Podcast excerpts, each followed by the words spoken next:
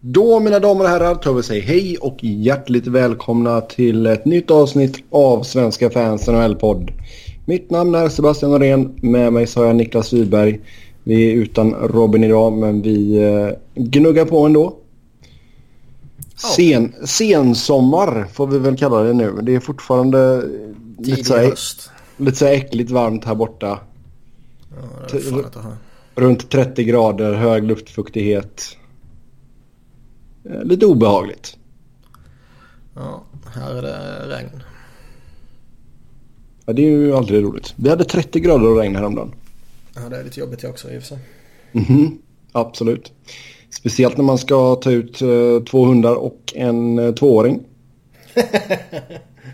Så här, bara nu ska du ha på dig eh, regnjackan här nu. Nej, det vill jag inte. Jo, jo, på med regnjackan här nu. Nej, det vill jag inte. Jo, jo, jo kom igen nu. Jaha, okej då.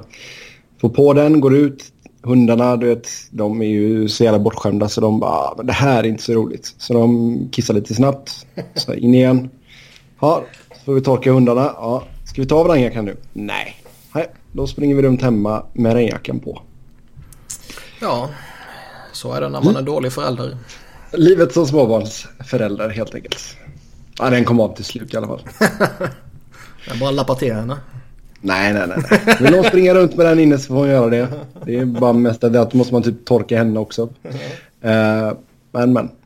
Ja, som vanligt så ska vi gå igenom de senaste nyheterna från ligan och sen självklart ta upp era lyssnarfrågor. Det har hänt lite små grejer. En av de stora snackisarna där hemma är ju Henrik Zetterberg och hans ryggproblem. Vi kommer till det. Och sen har vi även några kontraktsförlängningar.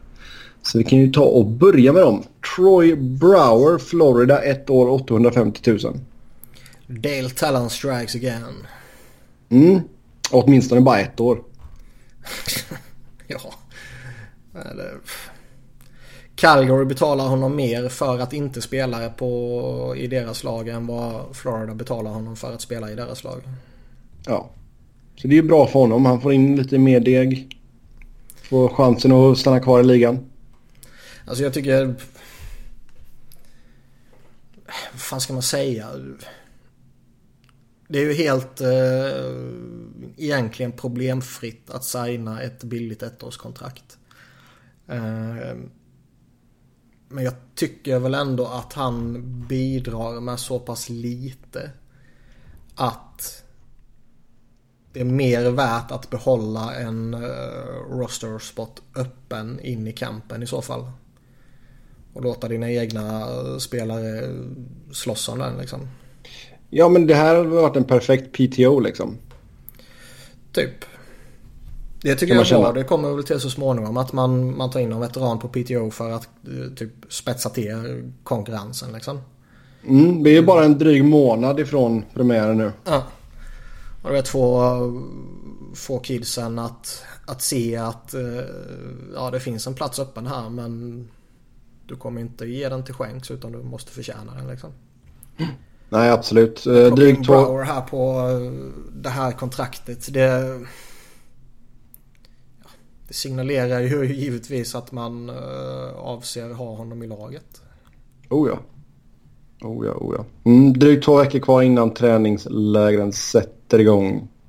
Det är kul. Det är gött. Nu är den hemska Ja. sommaren snart över. Ja, exakt. Eh, sen hade vi en trade mellan Calgary och Montreal. Kirby Reichel gick till Calgary. Hunter Shinkarek gick till Montreal. Shinkarek signade ett år 650 000. Reichel signade ett år 725 000. Behöver inte säga så mycket mer om de två. Eller?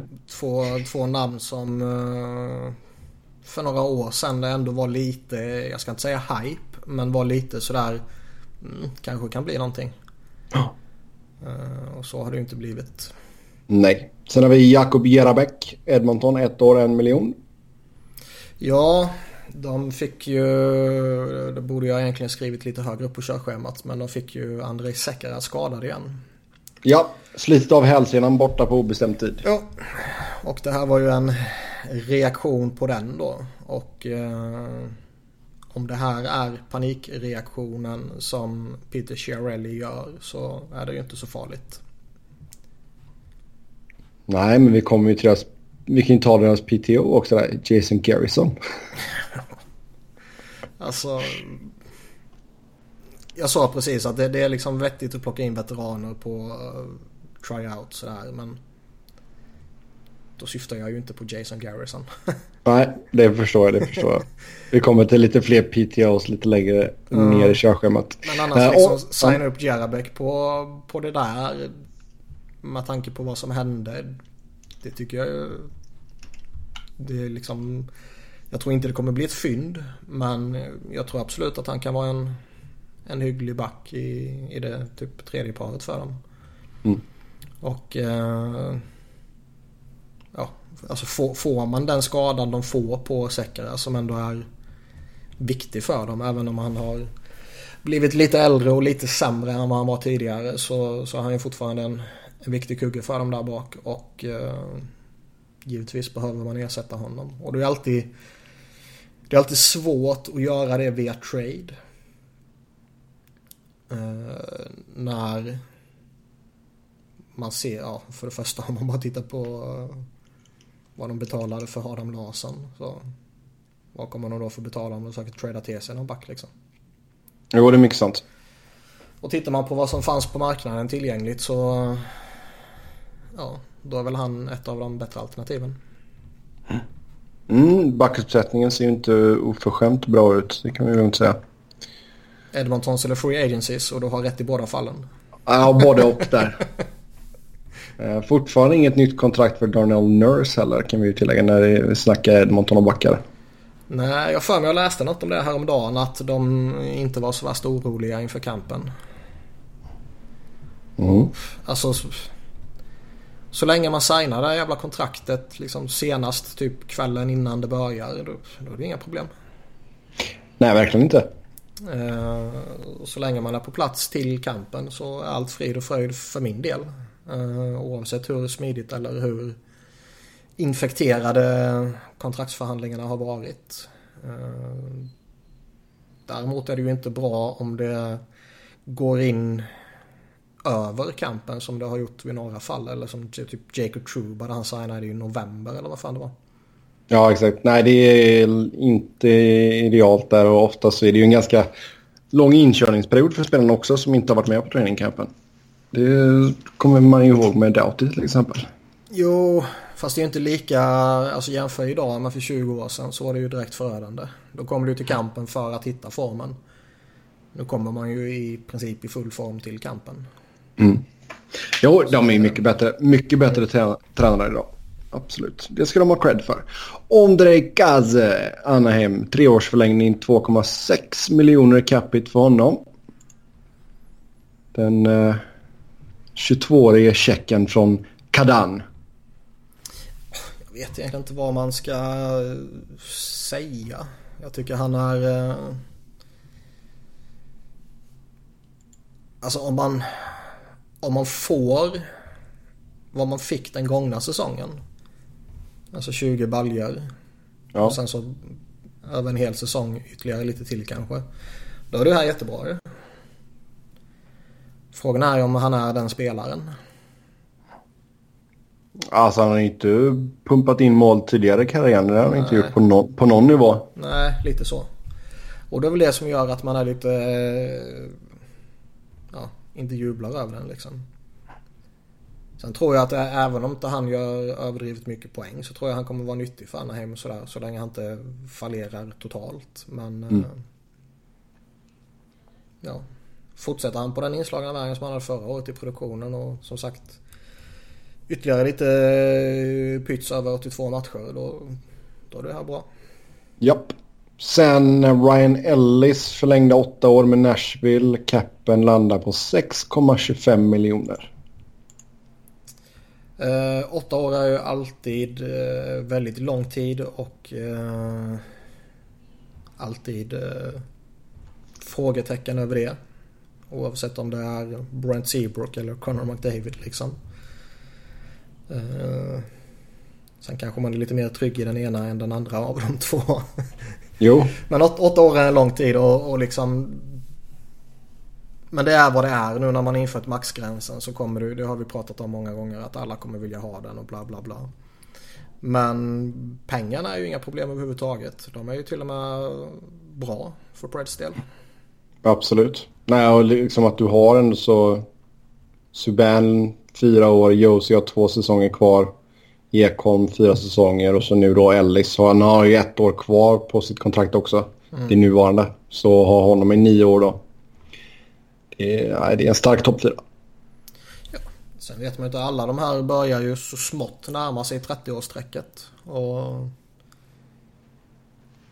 Inte för att jag tror det i något av de här fallen. Men säg att eh, det börjar dippa av lite där när man har signat både eh, Ryan Ellis och Subban och sen så Roman Josi på ett nytt kontrakt så någon av dem börjar dippa av helt plötsligt kan det bli lite jobbigt. Mm.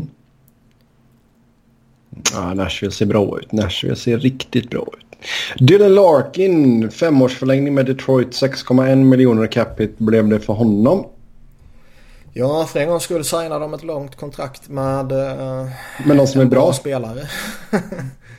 Jag kommer ihåg, var det förra eller förrförra eller ytterligare något avsnitt tillbaka sen där vi diskuterade um,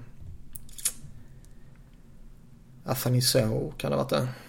Mycket möjligt. Att han bara har vi haft upp ett par gånger. ja, att han bara, nej men när han signade sitt kontrakt att han bara fick två år. Att de inte... Att de är villiga att gå långt på Abdelkader och Frans Nielsen och Glenn Denning och Helm och allt vad fan för skit de har haft. Men inte på sina egna bra unga spelare. det visade de ju här att de både kan och vill. Mm. Och... Eh, nej, det här kommer att vara ett bra kontrakt rimligtvis. Men här hade ju inte haft några problem med åtta år. Nej. Verkligen inte. Han nej, är, bara 22, nej, han är bara 22 bast. Så nej, när han går... Men jag menar åtta år är ju en lång tid. Jo. När detta går ut då så blir han ju fas eh, inför säsongen 23-24. Ja, och då lämnar han Detroit. Mycket möjligt. Man vet inte. Det är många år tills dess. De kan ha gjort ett jäkla uppsving. Det tror jag inte. Man, man vet aldrig. Man vet aldrig. Jag vet. Vill man, man måste hålla hoppet uppe i alla fall om man är Detroit-supporter. Även fast det ser ut som att man kommer få klara sig utan Henrik Zetterberg då som har nya ryggproblem. Uh, tydligen så har det börjat spöka igen för honom. Uh, skulle det här kommit hastigt och lustigt så skulle man ju blivit lite eh, suspekt. Eh, nu när det här är första lite billigare året på hans eh, monster deal som han signade 2009. Lönen droppar ju ner till 3,35 miljoner nu och sen är det ytterligare två år på en miljon. Så egentligen skulle han väl uh, tackat för sig om ett år när det bara är en miljon dollar. Ja. Så det här är väl ett år för tidigt egentligen. Men skulle, det inte, skulle man inte vetat sen tidigare att han har haft ryggproblem och det har, varit, det har knorrats till och från och... Eh, vad var det han missade? Det var ju OS 0... Nej, vad säger jag? 14 var det han hade problem där ju. Var tvungen att slänga in handduken.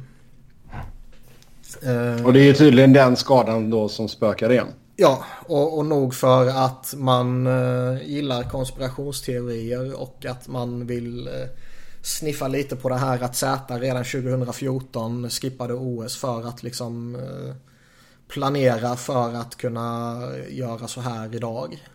Eh, men till och med det känns lite långsökt. Jo men jag har ändå sett mycket folk på eh, framförallt Twitter som uh, liksom att ja men nu går han ner i lön, tror fasen att han ska börja få ont i ryggen nu. Titta han har spelat liksom de, om det är de två senaste säsongerna, alla matcher och sådär. Ja, han har ju tre uh, säsonger i rad. Han har spelat 82 matcher. Innan dess gjorde han 77. Jo.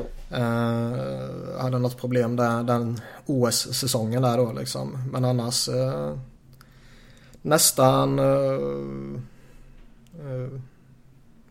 alltså fullt i ytterligare en 3-4 år.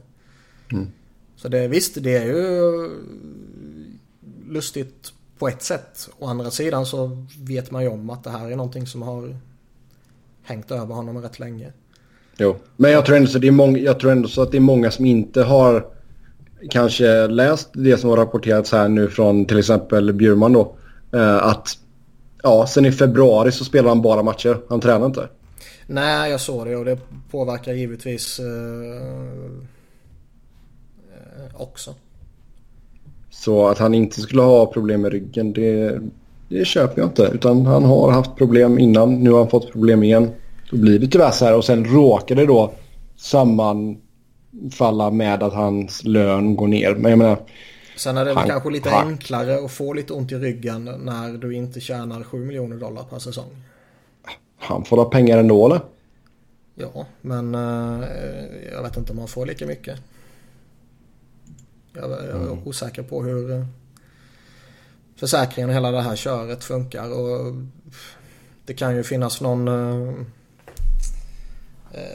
man vet ju aldrig hur det funkar bakom kulisserna med handshake deals och allt sånt här när man signar och vad man tänker och vad man planerar och sådana där saker. Men,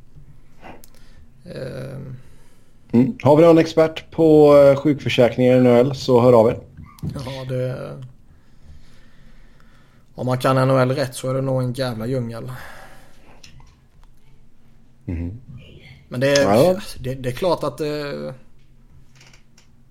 det ser märkligt ut när man tittar på hans statistikrad hur många matcher han har spelat och sen hastigt och lustigt så får han ryggproblem och kan inte spela längre när hans kontrakt blir billigt. Det, jo. Jo, men då tycker jag, det, då tycker jag Hossas fall är ännu mer... Nej, de går ju inte att jämföra. Hossas är ju patetiskt liksom. Mm. Medan det här är eh, inte suspekt. Finns det något mer milt ordval? Oj du. Um... Nej, jag vet inte. Jag vet inte. Men, men vi får hoppas på det bästa för honom. Helt enkelt. Han kommer missa training camp, kommer missa inledningen av säsongen. Så... Det känns lite, ska man vara lite den som är den så känns det ju lite som att om Detroit mot all förmodan skulle börja jättebra och gå jättebra och hänga med eh, en bra bit in på säsongen. Så kanske han mirakulöst kommer göra comeback. Mm. Men blir det ett jävla skitår och de är i botten som de flesta förväntar sig i synnerhet om han inte är med så eh, blir det kanske inte så jävla attraktivt att göra comeback. Nej, jag menar han var igen nu 37. Fyller eh, 38 i oktober. Ja. Så, eh, mm. Lägg ner skiten. Gå officiellt i pension, ge Detroit eh, problem med kappen. ja, det lär han ju inte göra i alla fall. Ja, det vore sjukt skoj. Ja, det ser jag inte hända. Sen vår sista förlängning här. Christian Dvorak i Arizona. 6 år, 4,45 miljoner i capita för honom.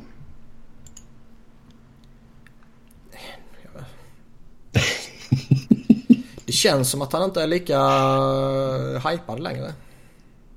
Nej. Men han har ju liksom inte blivit sämre.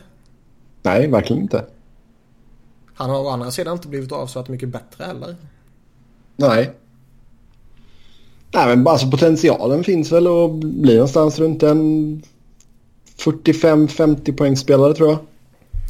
Han behöver väl ta det klivet i alla fall. Ja. För de här pengarna. Och eh, ligger han kvar på det han har gjort på kring 15 baljer och 35 poäng plus minus så är det kanske en liten besvikelse. Ja, då är det lite dyrt. Så step det kan man ju säga. Mm. Det blir intressant. Se vad han får för roll där i Arizona. PTOs då. Vi sa redan Jason Garrison. Edmonton har också plockat in Scotty Upshall. Uh, Brandon Davidson ska på PTO med Chicago och Mark Letesto till Florida. Ja, uh, Scotty Upshall är ju en... Uh bra spelare att ta in. Sån här som, som jag var inne på tidigare. Om jag inte minns fel så har han gjort det här i typ två eller tre år nu. Där han mm. har gått på PTO och spelat till sig ett kontrakt.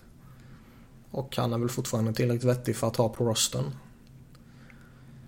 Eh, sen är det ju alltid frågan det här med eh, Ja, är det bättre att ta en sån spelare eller är det bättre att ge platsen till någon internt. Men då får ju kampen helt enkelt visa då. Ja. Eh, Davidson tycker jag är eh, solid. Eh, värvning om man kan kalla det av Chicago. Han borde kunna gå in och liksom sjätte, sjunde back typ. Mm. De har ju Gustav Forsling är ju borta eh, en månad typ har jag för mig. Och eh, försvaret i övrigt bakom Duncan Keith är ju inte överjävligt bra direkt. Nej, det vill jag hålla med dig. Alltså när Erik Gustafsson typ på riktigt är deras näst bästa back. Ja. Så är det fan inte bra. Inget illa ment mot Erik Gustafsson. Jo. Nej. uh, nej men alltså det, vi har ju pratat om Seabrook liksom och Conor Murphy har jag inte mycket till övers för. Um, John Nej, Rutta. Murphy är väl en hygglig för tredje par liksom. Brandon Manning jo. vet du, du och många lyssnare vad jag tycker om. Jo. Uh, Brent Seabrook är väl fortfarande OK liksom. Men han är ju långt ifrån värd sitt kontrakt. Och Chicago måste ju hoppas på att hans, eh, vad ska man säga, påbörjade förfall blir väldigt utdraget istället för väldigt plötsligt. Ja, du har ju, alltså, du har ju så galet mycket pengar uppbundet i, eh, jag menar, honom och sen Kane och Taves. Det är... Kane är ju ändå, det är ju en toppspelare. Han producerar Ja, Kane är ju lugnt. Så det är, Taves, Taves är ju inte värd 10,5. Han ska ju ha typ 3 miljoner. Ja, ja 3 miljoner vet jag inte. Men han är, han är inte värd 10,5 i dagsläget. spelare i alla fall. Det är han långt ifrån. Nej. Det har han aldrig varit. Han kommer aldrig bli. Uh, mm. Brandon Saad är ju 6 miljoner är lite saftigt för honom alltså. Å andra sidan så har ju han potential för att uh, studsa tillbaka. Mm. Och sen har Nismo på 4,55. Ja, han behöver väl också steppa upp lite för att det ska vara OK.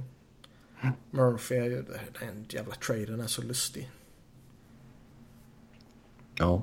Nej, du har lite, som sagt, de har ju fått slänga in väldigt många entry level kontrakt i rostern. Alltså det kan man ju Jo, jag menar de har varit rätt duktiga på, vi har ju berömt dem tidigare på det här att uh, när de var under sin storhetstid då som man väl får hävda i alla fall är över. Så mm. var de duktiga på att när de hela tiden behövde skicka ut spelare som förtjänade nya dyra kontrakt så var de duktiga på att slussa in nytt. Oavsett om det var gamla veteraner som de fick på ett billigt ettårskontrakt eller om det var någonting eh, de lyckades plocka upp internt så var de ändå duktiga på det. Det känns lite som att det här är ett litet mellanår för dem. Så tillvida att eh, jag tycker inte det finns jättemycket spännande så här på förhand som de kan peta in denna säsongen. Utan det är kanske ytterligare ett år man får vänta på det. Ja, nej det är helt sant. Sen är ju Corey Crawford är ju... Det har väl... Det har väl inte bekräftats från Chicago tror jag men det har väl hintats väldigt mycket om att det är eh, sviter av en hjärnskakning som han dras med. Mm. Och som har varit mm. väldigt allvarliga. Det var väl december han spelade sista matcherna för mig. Ja, nej han vet ju inte ens själv ifall han kommer vara i, i, form till training camp. Men, och det var väl lite därför också som man plockade in Cam Ward. uh, för att han tydligen ska kunna hantera en heavy workload. Um, alla, så, alla ja. kan hantera en heavy workload men alla kan inte hantera det bra. Och Cam Ward är... Uh, han har varit en av ligans sämsta målvakter de senaste åren. Om mm. man bara tittar på typ 5 on 5, safe percentage och sådana här grejer. Eh, man såg ju väldigt tydligt vad som hände med Chicago när Corey Crawford försvann förra året. Ja, herregud, man klappade ihop rejält. Man, ja, det var ju ett korthus som föll ihop liksom. Ja. Skulle han vara borta hela eller stora delar av denna säsongen så har jag ju jävligt svårt att se att uh, Cam Ward och uh, Anton Forsberg kan lösa det där liksom. Ja. Nej, det blir intressant att följa också. Det ska ju alltså, man ska ju inte vara skadeglad. Uh, nej. Det är det vi bygger hela den här podden på. Men det ska bli lite intressant faktiskt att se också Chicago-supporterna och pub alltså publiksnitt och alla sådana grejer. arenan eh, som de eh, gjorde innan den här storhetstiden. Mm, vi får se då om de står med sitt lag i vårt och tott där. Uh, det blir intressant. Kanske lite för tidigt för dem att ge upp nu liksom. Uh, visst, spelar de till sig 21 poäng denna säsongen bara, då kanske det gapar tomt. ja. Men, men uh, jag tror ju ändå att de har ändå... Deras core är fortfarande tillräckligt stark för att publiken ska komma liksom. Jo, just nu är den väl det. Och Patrick Kane är ju en förkastlig människa. Men han är ju en hockeyspelare som väcker publik liksom. Stella, ska du, gå ut, ska du gå ut ur rummet här medan pappa spelar in? Till och med Stella snackar skit om Patrick Kane nu. Ja. Hon varnar alla taxichaufförer. Eh, ska vi se, nu tappar jag helt vart jag Där är vi. Eh, Tobias Enström flyttar hem. Lämnar Nordamerika. Kommer han börja gå med Tobias igen nu då? Eller är det fortfarande Toby? Det är ju frågan. Ettårskontrakt med Modo. Vad jag har sett så har jag inte sett en enda som har skrivit Toby Enström i alla fall. Så han kanske har bytt namn nu igen. Mm.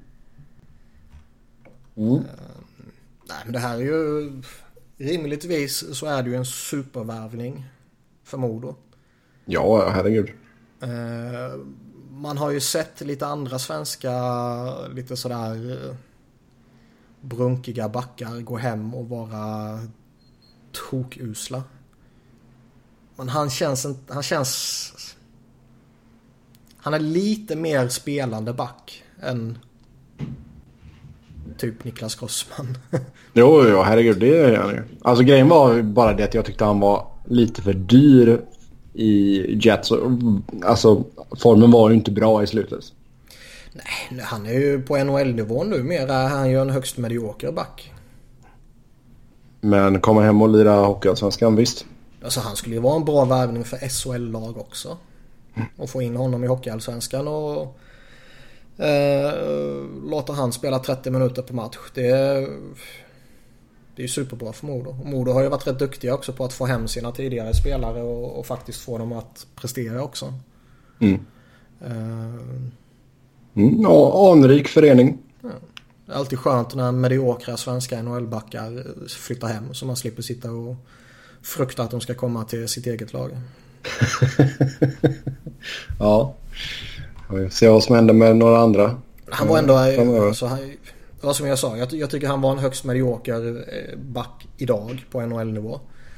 Men eh, summerar man hans karriär så får man ju ändå hävda att det är en bra karriär han lägger bakom sig nu. För man får väl kanske gissa att han inte kommer vända tillbaka.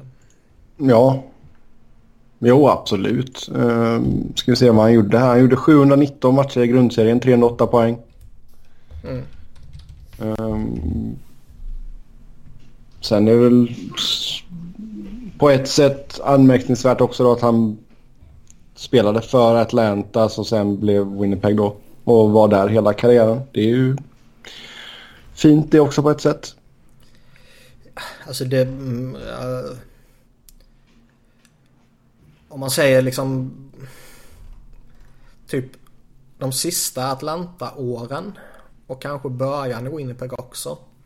Så fan vet om inte Tobias Enström var något så pass unikt som en svensk spelare som till och med var lite underskattad här hemma i Sverige.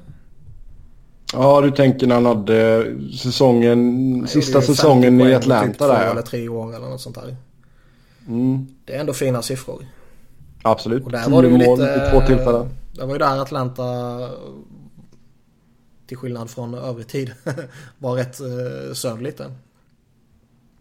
Och... Eh, nej, jag kommer ihåg det var rätt många trade-rykten. Jag kommer ihåg att han placerades väldigt mycket i Philadelphia. Mm. Ja. Och in, inte för att man nödvändigtvis eh, skulle jublat om, om det skulle skett så. Men uh, det var ändå en, en skicklig back som var underskattad här hemma tror jag. Dels för att han spelade i ett lag som ingen tittar på. Uh, och dels kanske för att han... Han var inte så flashig som alla andra. Nej, och sen han gjorde ju inte överdrivet mycket med landslaget heller. Han spelade VM 2007 och 2008 och sen spelade han OS 2010. Jag har för mig att han uh, hamnade i någon form av konflikt med Pelle Mås. Att uh, det var någonting där, de, där den relationen brakade samman. Ja, okej. Okay. Uh, och att... Ja. Sen lirade han inga mer VM efter det liksom. Nej. För han har haft alla möjligheter att spela väldigt många VM. ja, det har han ju haft. Absolut. Men, men. Ja. Vi önskar honom lycka till i Modo i alla fall. Sen, Brady Kachuk ser ut att inleda säsongen i Ottawa. Ja, jag vet inte vad jag ska tycka om det. Kör bara.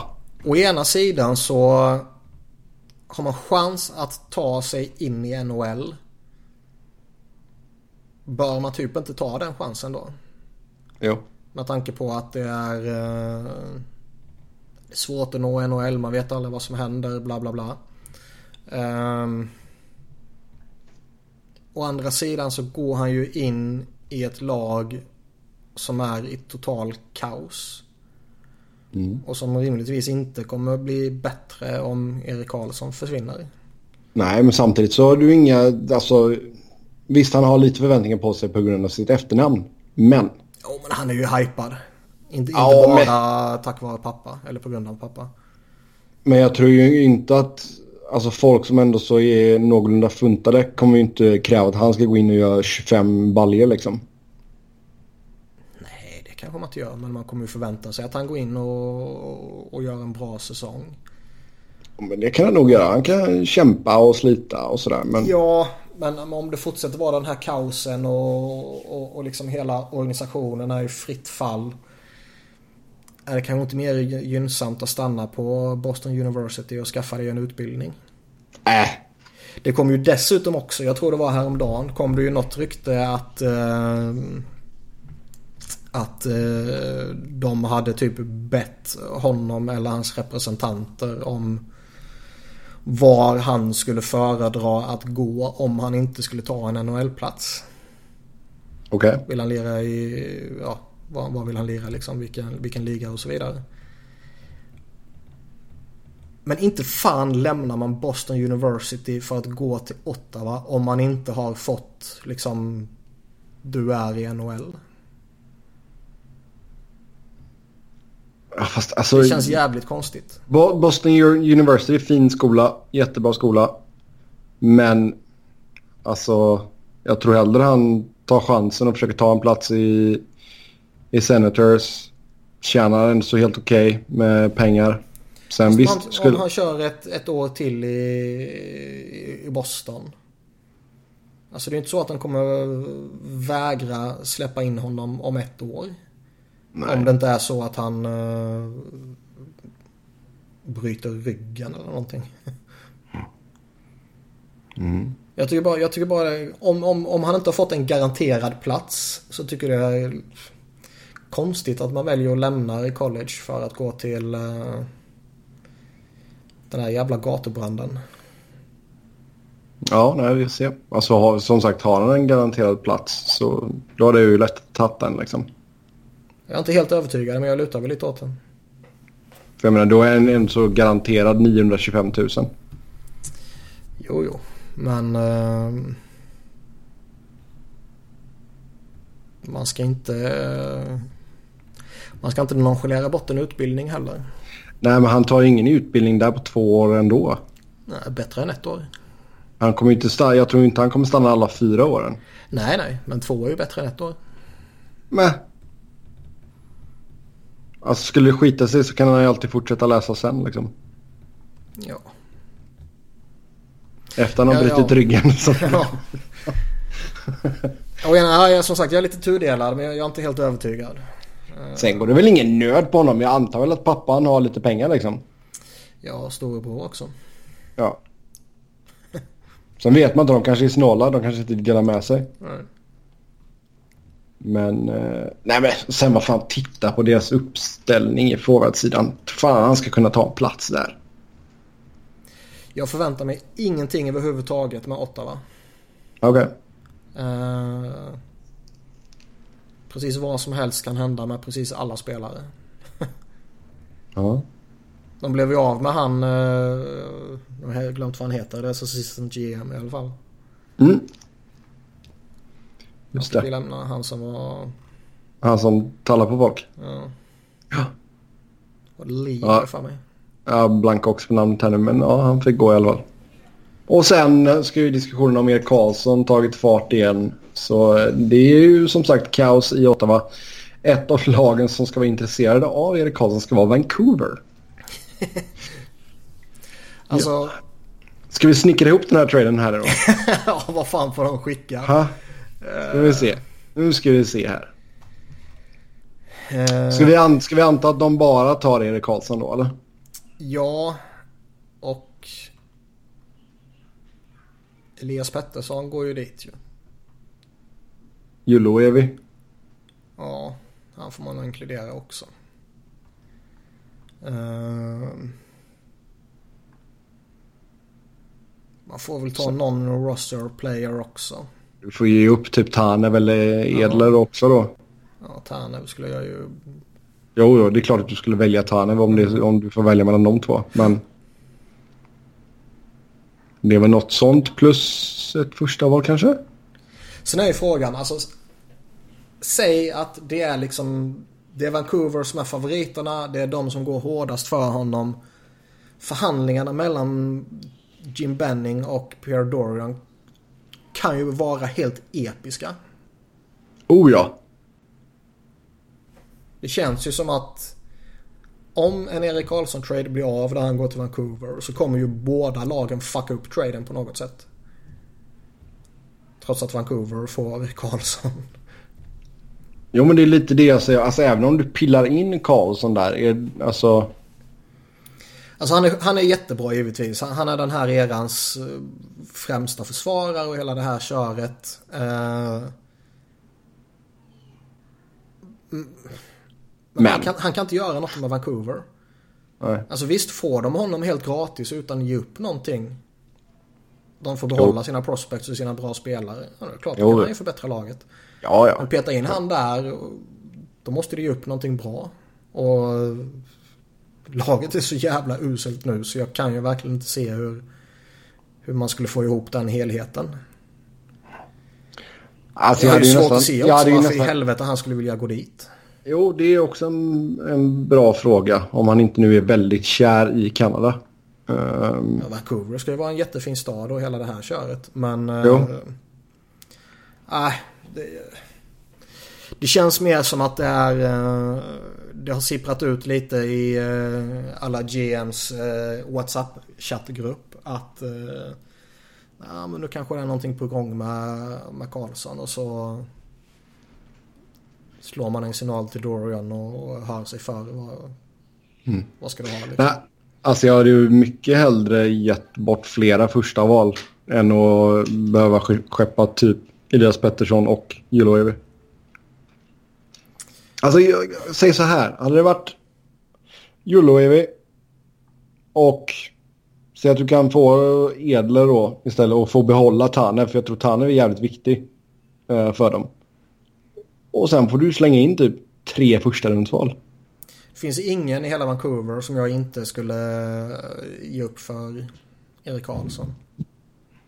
Det är den här erans bästa back. Det är eh, eh, en back som kan sätta en impact på eh, en match och en säsong som väldigt få i hela ligan kan. Och eh, Ja, alltså hela helheten. Alltså fattar du vad tröjor han kommer sälja när han går till ett annat lag?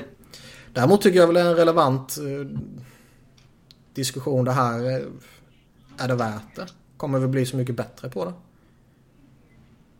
Ja, som sagt det beror ju helt på vad man ger upp. Men jag hade ju, jag hade ju personligen varit eh, mer villig att offra massa draftval. Det hade jag. Och vill eh, Ottawa spara pengar så kanske det kan vara eh, någonting som de kan tänka sig också. Alltså Elias Pettersson kan ju mycket väl vara ett fynd. Eh, uh, Julevi... Han har ju inte tagit den farten som man trodde när han breakade. Nej. Och är du nu som vi pratade om för några månader sedan han som är den här video game addicted eh, spelaren. Så, Videospelstorsken. Uh, då kanske... Uh, ja, då kanske inte blir något överhuvudtaget. Och om det är han så kan man ge sig fan på att de har koll på att det är han. Mm. Alltså även utanför Vancouver. Jo. Um, och då är man kanske tveksam till att ta in honom. Ja. Nej men jag, jag tror inte det. Jag, som sagt jag tror inte att det, jag, jag tror inte att det är. Det enda jag kan tänka mig är ju att uh, man bara har kollat läget liksom. Mm. Och sen har det laget råkat uh, läcka ut. Eller Benning, du vet, dra ett mest till, det var väl Friedman som som breakade har jag för mig och dra ett mest till honom för att typ visa supporter eh, basen att ja, men vi försöker lite. Jo. Det är väl typ det enda man kan tänka sig. Nej, det får jättegärna hända någonting där i alla fall. O oavsett ifall det blir att han förlänger eller att han tradas. Bara det händer någonting. Jag pallar inte att gå in i säsong med detta. Och då pallar inte du. Det är ju skitskoj att se organisationer bara kollapsa. Ottawa går in med eh, Erik Karlsson som pending UFA. Man går in med Matt Duchene som pending UFA och man går in med eh, Mark Stone som pending UFA. Det är ju liksom tre dödssynder. Man gör ja, det alltså på sin bästa ju... back, man gör det på sin uh, bästa center och man gör det på sin bästa, uh, vad heter det, winger. Mm. Det är ju ja, det, är... det är bara målvakten som saknas liksom. Ja. Där har du inte mycket att hänga i granen ändå. Nej, nej. Faktiskt. Men, men. Mm. Jag vill se världen brinna så det vore skoj att se total kaos i Ottawa. Ja, ja. Uh, inga nya förhandlingar mellan Max Pacioretty och Montreal? Nej, hans agent, uh, nya agent Alan Walsh var ju ute nu och snackade något om att eh, som inte jag har läst tidigare i alla fall att uh, Montreal och LA var ju helt överens om en trade vid eh, draften.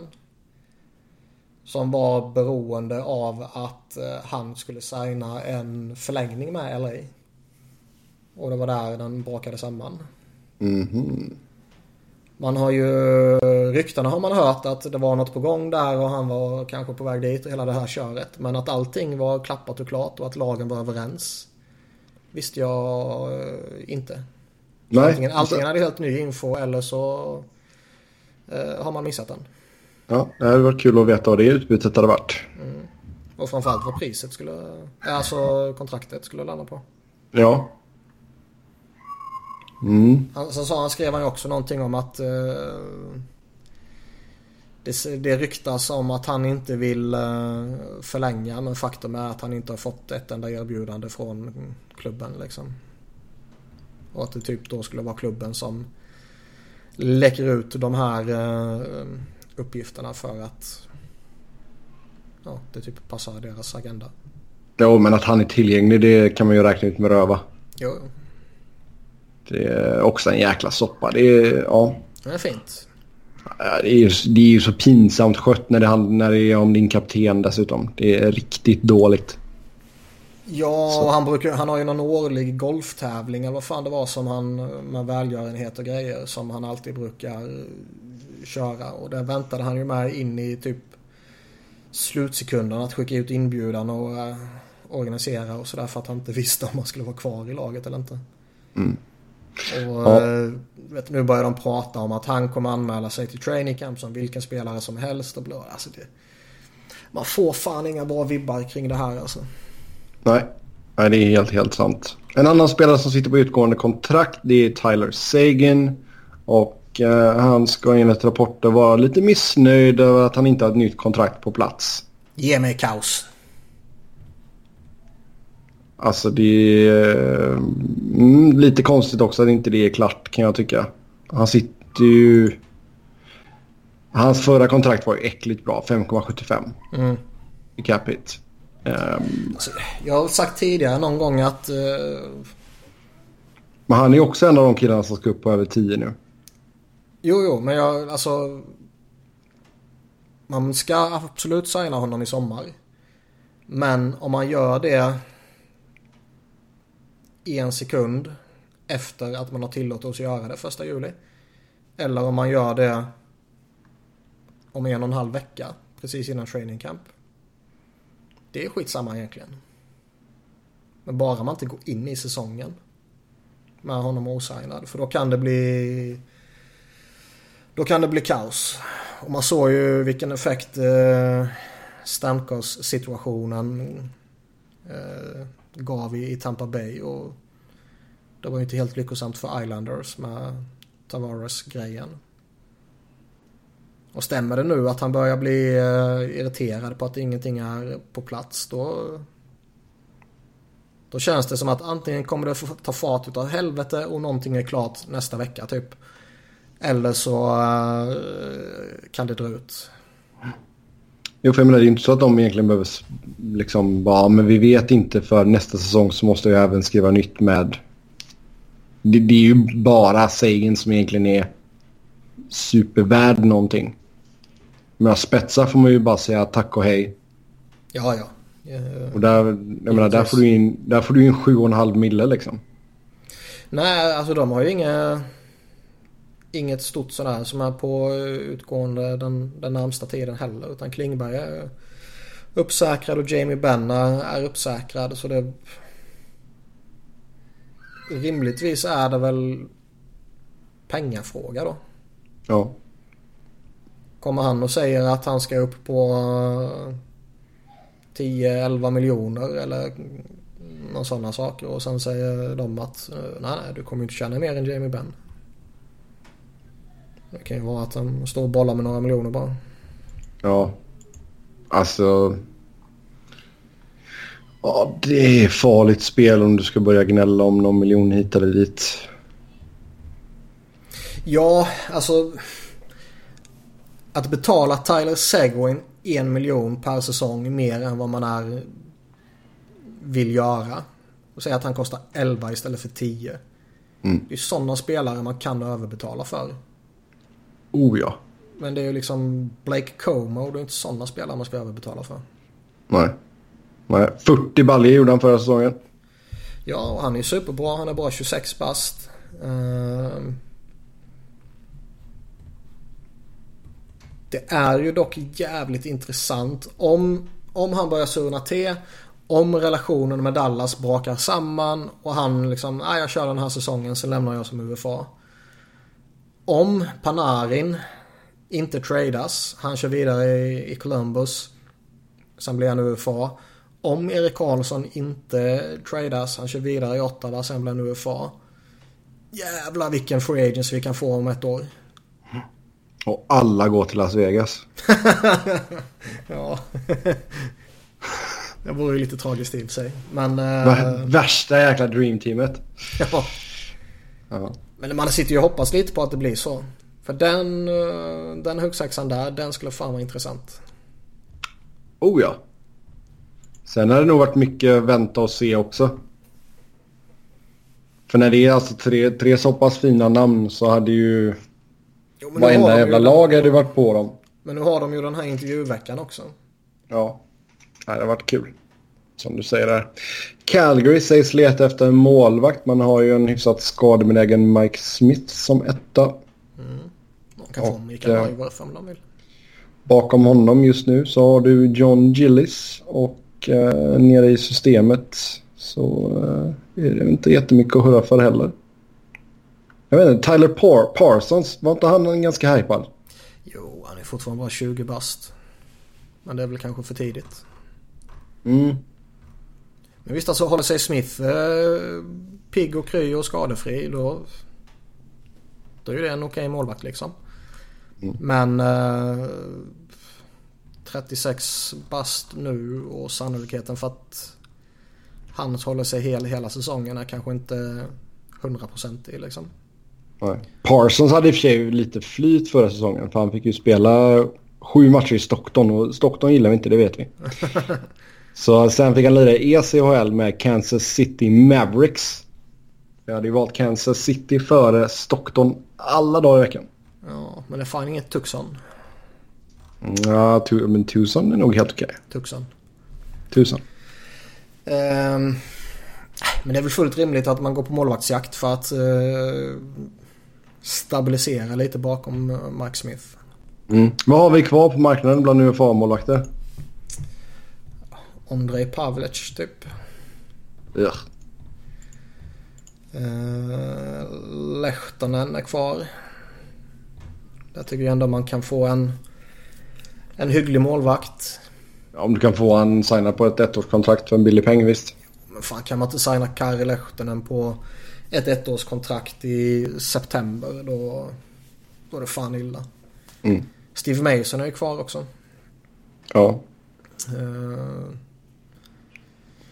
kanske är villig att ta ett ettårskontrakt för att uh, kickstarta karriären igen. Han hade ju, det var ju inte helt uh, inte helt enkelt för honom i, i Winnipeg. Nej. Nej, mycket har man att röra och skit. De har ju lite cap space så visst. Mm. Och det är klart här. 7 miljoner drygt nu. Ja, du ska signa upp Hannifin också på nytt. Mm. Ja, då har man någon eller några miljoner på sig att plocka en målvakt i så fall. Och så blir ja. man ju av med en knapp miljon om man skickar ner Gillis i AHL. Och... Ja, man kan ju pussla mm. lite. Absolut. Så får han stå i Stockton helt enkelt. Ja. Ja. Yes. Mm. Toronto, Chicago, Detroit och Edmondson, Edmo, Edmondson, Edmonton mm. sägs gå efter Justin Falk. Ja, intressant namn, intressanta lag. Um, Fast det är ju två, i, alltså Chicago, Detroit, är liksom, varför? Jo. Toronto har vi ju pratat om i ett år känns det som att de behöver peta in en, en riktigt bra back. Om han sen är den där riktigt tänk... bra backen, det är ju en helt annan fråga. Jo, jag tänkte precis säga det. Är han ett tillräckligt stort steg eh, eller tillräckligt stor uppgradering där? Alltså han gör ju försvaret bättre, det gör han. Men eh, de skulle ju behöva en... Vad ska man säga? En bonafide. Etta. Ja, eller i alla fall eh, första par. Mm. Eh, Edmonton är väl... Det är förståeligt. Det är förståeligt efter skadan här nu och det var ju inte orimligt innan skadan. Nej. Eh, däremot så snackas det väl lite om att de kanske inte är lika... Eh, lika mycket på, på att skicka iväg honom nu som de var tidigare. Mm. Men det känns som att om, om någonting sker där så känns det som att då sker det nog innan säsongen. Ja. Eller vid ja. deadline eller sådär. Ja, han har ju modified no trade så han ska skicka in en lista på 15 lag som han tycker är okej att gå till. Mm.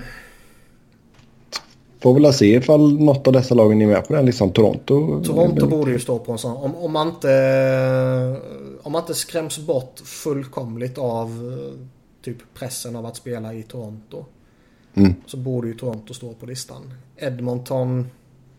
Å ena sidan kan ju Conor McDavid göra att de står på den här listan. Å andra sidan så kan ju staden Edmonton göra att de inte står på listan. Ja. Ja, Chicago och Detroit är väl inga, alltså. Detroit har väl börjat repa sig lite smått som stad. Men jag menar, Chicago är ju fan... Chicago är ju kaos just nu. Ja, både stan och laget. Det är ju rena rama vilda västern där. Mm. Sen kanske inte han skulle röra sig i de eh, krokarna av stan ändå men... Nej men det kanske avskräcker. Ja. Yes yes. Ha, William Nylander och Toronto ska inte vara nära något nytt kontrakt. Dun dun dun. Alltså om man tittar på jämförbara spelare. Jag läste liksom de som tog upp eh, De hade Pasternak, Forsberg och Ehlers eh, som liksom comparables. Och det är väl helt okej kan jag tycka även fast Nylander i nuläget är snäppet under de tre. Så om han landar på fem år, sex mille. Det känns inte helt orimligt. Nej, det är väl till och med rimligt. Ehm, Man undrar ju lite där vad de, vad de bollar för siffror mellan sig. mm. Ehm, det behöver ju inte bara vara siffror. Det kan ju vara alltså roll och betydelse och hela det här köret också. Men roll är jag jämte Matthews här. Pissa in poäng, tack. Ja, kanske. Eller får man inte de... Eh, vad heter det? Garantierna. Garantierna, ja. Alltså antingen ska man ju spela bredvid Matthews eller så kommer man spela bredvid Tavares. Liksom. Ja, det tycker både du och jag till 100%. Men... Ja. eh, Och det är, gör inte Babcock det, då ska han ha sparken. Nu är ju inte Komarov kvar, men Babcock skulle ju mycket väl kunna spela Komarov där. Ja. Nej, men alltså på riktigt. Ja, det, för min del så är det ju självklart att man petar in William Nylander i där. Men jag är ju inte helt övertygad att det kommer ske trots att Toronto har eh, ligans bästa coach, i alla fall en av de bästa. Jag menar, jag kan ju mycket väl se en första kedja med Matthews, Nylander, Hyman till exempel då. Och sen har du en andra kedja med Tavares, Marner och ja, vem fan som helst egentligen. All logik säger ju att en av Nylander och Marner kommer spela med en av Matthews och Tavares. Ja. Men som sagt, eh, ja. Jag tar ju ingenting för givet. Nej, någon måtta får det vara. Sen vet man ju inte heller alltså. De kanske sitter och hoppas på att Mitch Marner ska signa först. Och sen ska de kunna peka på att, men titta vad han fick, det vill vi ha. Ja. Jo, det är sant. Alltså du har ju en sån jäkla... Alltså Matthews, Marner, Kapanen. Det är ju tre bra spelare som alla blir RFA efter kommande säsong. Ena är ju lite bättre än de andra. Jo, jo, herregud. Kappanen alltså. Ja. Ja, exakt. Kapanen ska upp på 11 miljoner. Det ska han ha bara för pappa. Ja. Nej, så jag menar liksom, det kommer ju, de kommer ju att behöva betala här. Så visst, jag kan väl på ett sätt förstå ifall Dubas vill försöka hålla ner pengen på Nylander så mycket han kan. Ja. Men någonting måste de ju kunna lösa. Det, det tycker jag ändå. ja, jag tycker det. Jag får se om man fan tar ett tvåårskontrakt då på t- 5,5. Men det känns, det är inte vanligt längre alltså. Nej, jag vet att det har blivit mindre och mindre vanligt. vanligt. Men jag menar, är du Nylander så skulle du inte vara... Jag, jag hade inte varit rädd för att ta det kontraktet. För så Nej, pass bra, fan, så pass bra är han ju. jämte någon av de där centrarna. Det kan ju ta en jävla fart för honom. Ja. Men standarden numera är ju typ att han signar fem eller sex år. Ja, det blir intressant att följa men eh, för Torontos del så vill man ju säkert ha klart det innan då man går in på training camp. Mm. Sen. KHL tillåter Slava Vojnov att lämna för NHL. Lyssna fråga. Tror ni Vojnov kommer tillbaka till NHL och i så fall till vilket lag? Ja, han kommer inte spela för LA i alla fall, så mycket vet vi. Ja, det har de sagt i alla fall. Sen om de står vid det, det återstår ju sen. Rob Blake, en hyvens kille. Ja, det tror jag inte alla håller med om. Eh, Bill Daley sa ju häromdagen att Vojnov inte har blivit clearad att återvända till NHL. Nej, det var väl lite oklart när det här breakade om det var, är det så att NHL har gett honom tillåtelse att komma in? Eller är det så att KHL har lett hon, gett honom tillåtelse att lämna? Och det visade väl sig då vara det, det senare. Och eh, jag minns inte om det har hänt någonting med immigration och grejer. För han var ju på Eh. förhör eller vad fan det var. Ja, ja, alltså dom, domaren, eh, ska vi se, nu ska jag, ska vi se. eh, Domaren dismissade en misdemeanor domestic abuse conviction förra månaden. Så var det ja. Så, eh, och att det bara var en misdemeanor också, det hade jag helt glömt av. Det finns ju, det är ju lågt då på, på straffskalan så att säga här borta. Ja, men det är en rik kändis. Jo, men det är ju bara det är ju förjävligt. Att det skulle vara en misdemeanor. Ja, med Eh. tanke på vad man läste om eh, berättelser från snuten som var på plats och sådana här saker så är det jävligt lustigt. Men eh, har du pengar i USA så klarar du dig. Mm. Nej, så eh, vi får ju se där att uh, ifall han får något möte med Gary Bettman och ansöka om reinstatement. Uh, men som sagt, Kings har sagt att de inte vill ha honom. Då får något lag trada någonting för att få honom eller få hans rättigheter. Um, vart skulle han kunna hamna? Alltså vilket lag är, skulle... Vilket lag tror du Niklas skulle ge blanka fan i det här? Är Edmonton i ett sånt läge nu? Ja, kanske. Det har, har det, det har ryktats lite smått om Montreal tidigare och visst de saknar Shea Webber men eh, peta in han där det kommer ju vare sig göra till eller från med tanke på hur laget ser ut i övrigt och då känns det som att varför ska man riskera den eh, eh det kaoset som kommer följa med honom. Uh, Sen är det ju svårt att säga. Chicago en- skiter ju bevisligen i vad deras spelare håller på med så de kommer väl ta in honom med glädje. Mm.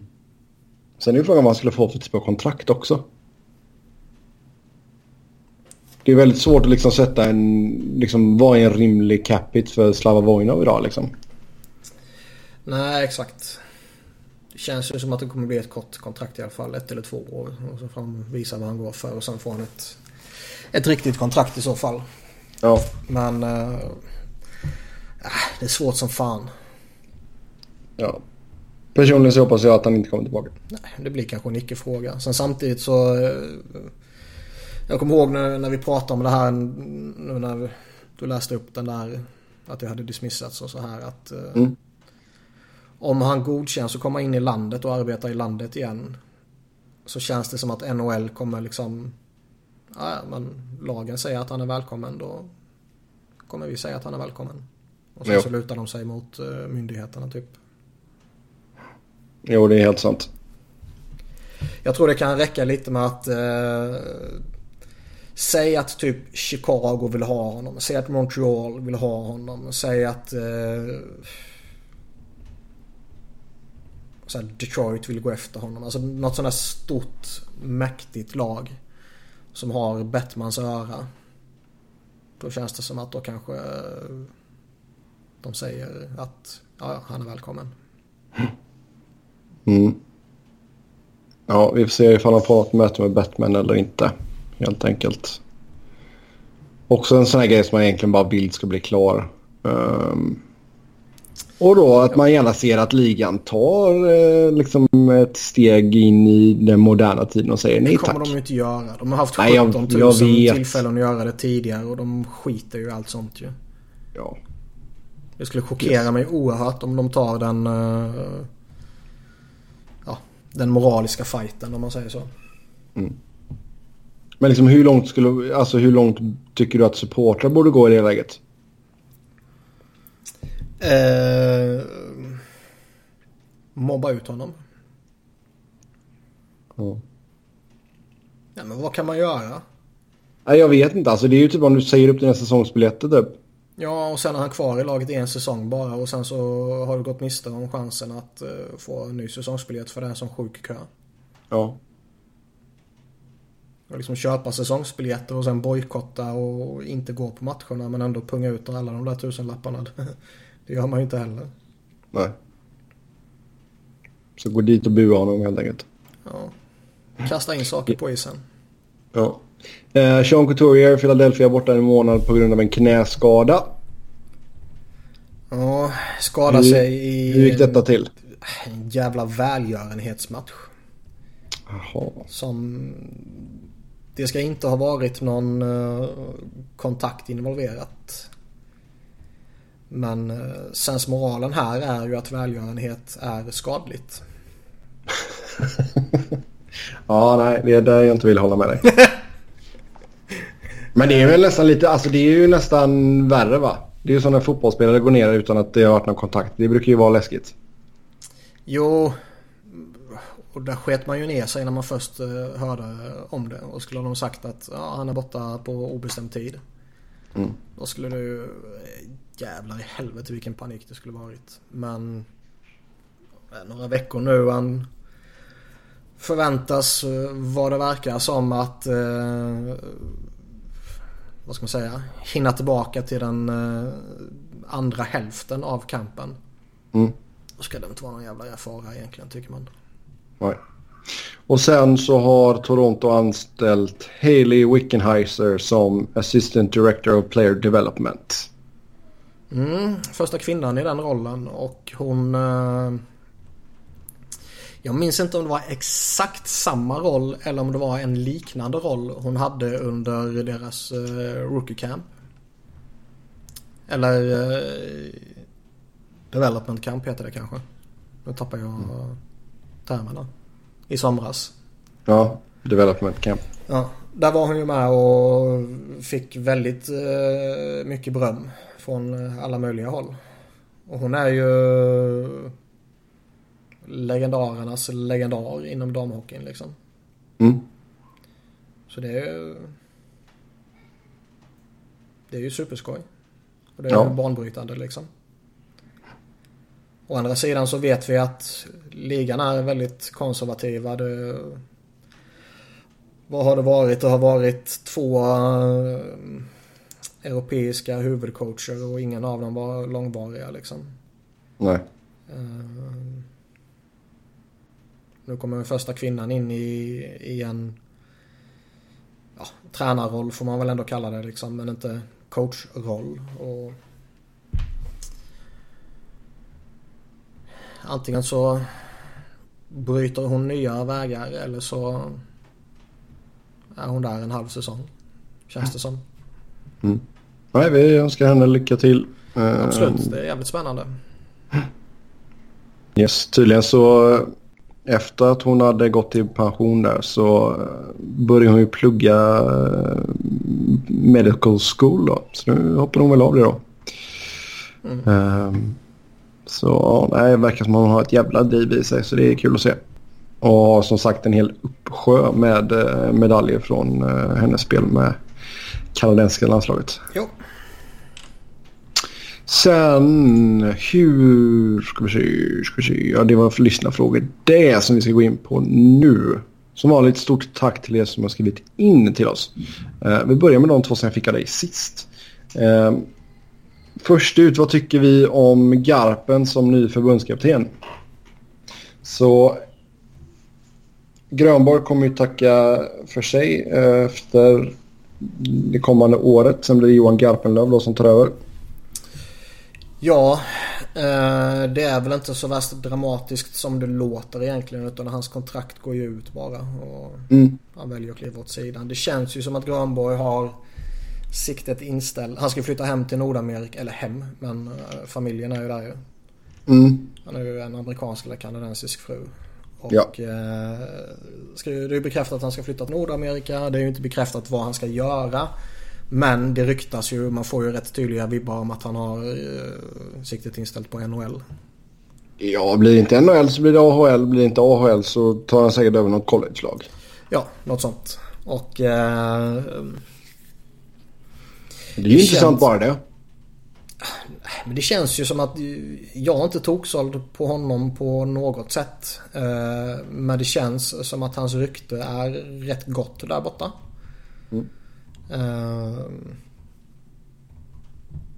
jag har jävligt svårt att se honom gå in och bli headcoach i NHL bara sådär. Han kanske kan göra det i AHL och, och försöka gå den vägen. Men jag kan absolut se honom få erbjudande för att bli assistant coach i NHL. Oh ja. Uh, Mm. Garpenlöv, det, känns, det känns väl som att det kommer vara väl ungefär samma när det kommer till spelsystemet, va? Alltså, man vet ju inte vad man har Garpenlöv och det är väl det som gör mig lite... Eh, alltså han har ingen... Han har inte varit headcoach någonstans tidigare i sin karriär. Han har eh, varit assisterande coach i lite olika former i lite olika eh, eh, vad heter det, olika lag. Han har varit lite i, i Djurgården för många år sedan. Han var lite scout för Dallas. Han var team manager för, för landslaget i två år. Och sen har han varit assistant coach i, i Tre Kronor nu i några år. Och Känns det inte som förbundskapten för landslaget borde vara det, eh, det mest attraktiva jobbet i landet egentligen? Och man borde ha landets bästa coach i den rollen. Rimligtvis. Mm. Om uh, allt är frid och fröjd. Ja, vem är landets bästa coach? Det känns ju som att skulle det här beslutet kommit om typ ytterligare ett år senare eller något sånt där. Då tror jag Sam Hallam skulle vara, kunna vara högaktuell.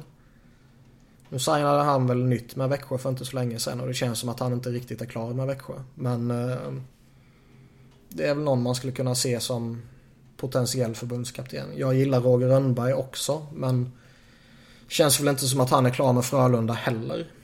Nej, han får gärna stanna där. Eh, det som talar för honom är ju att han har varit inne inom förbundet och svängt där så han... Det känns som att det är en merit liksom. Mm. Men det känns. Att peta in någon som förbundskapten bara sådär utan att ha någon som helst erfarenhet som headcoach någonstans. Det känns... Det känns konstigt på något sätt tycker jag. Eh, å andra sidan så har Garpenlöv vad det verkar som varit den personen som har störst del i den förbättrade relationen med NHL-spelarna.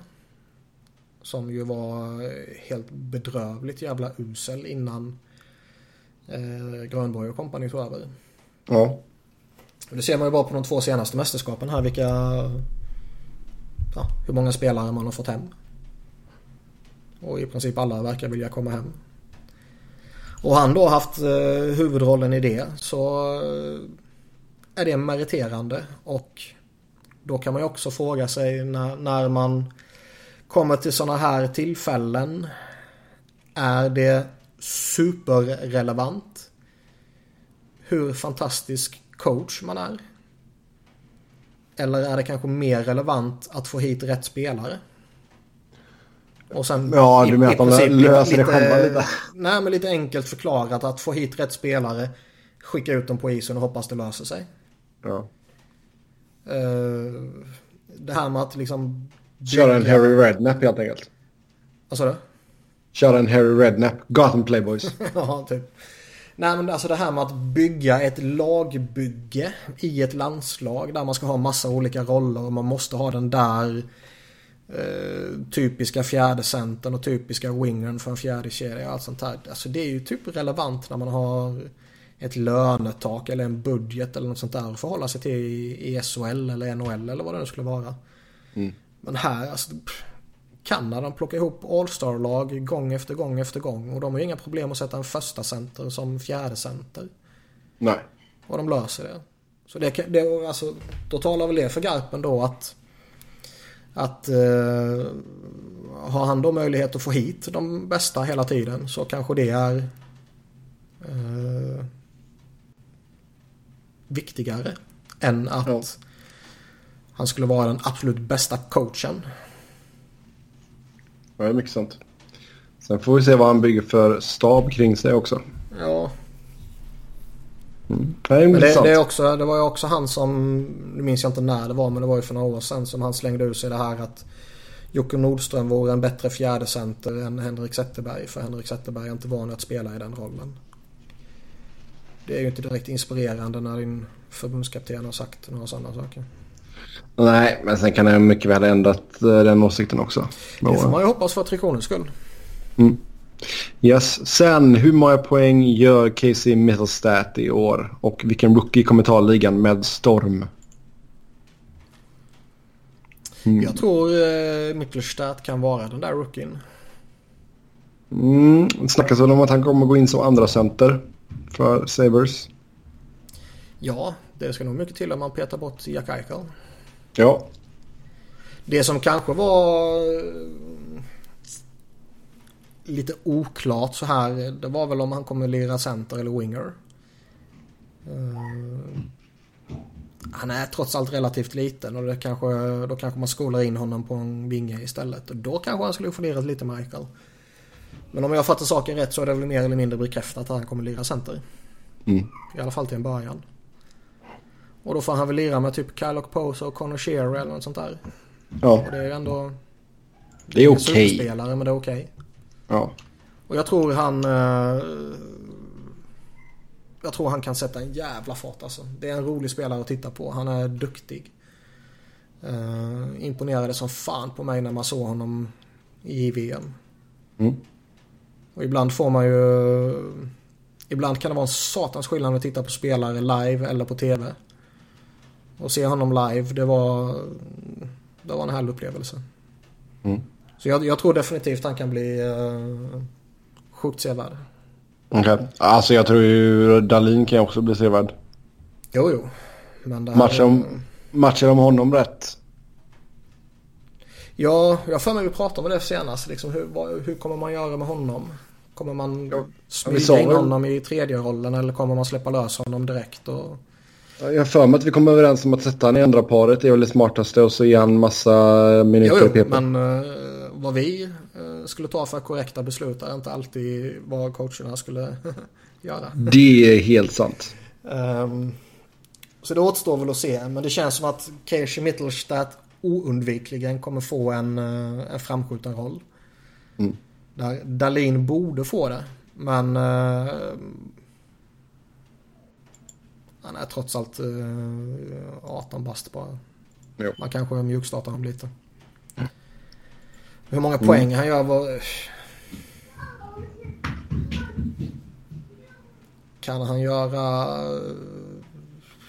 Alltså gör han 60-talet poäng så är det en bra säsong. Oh ja.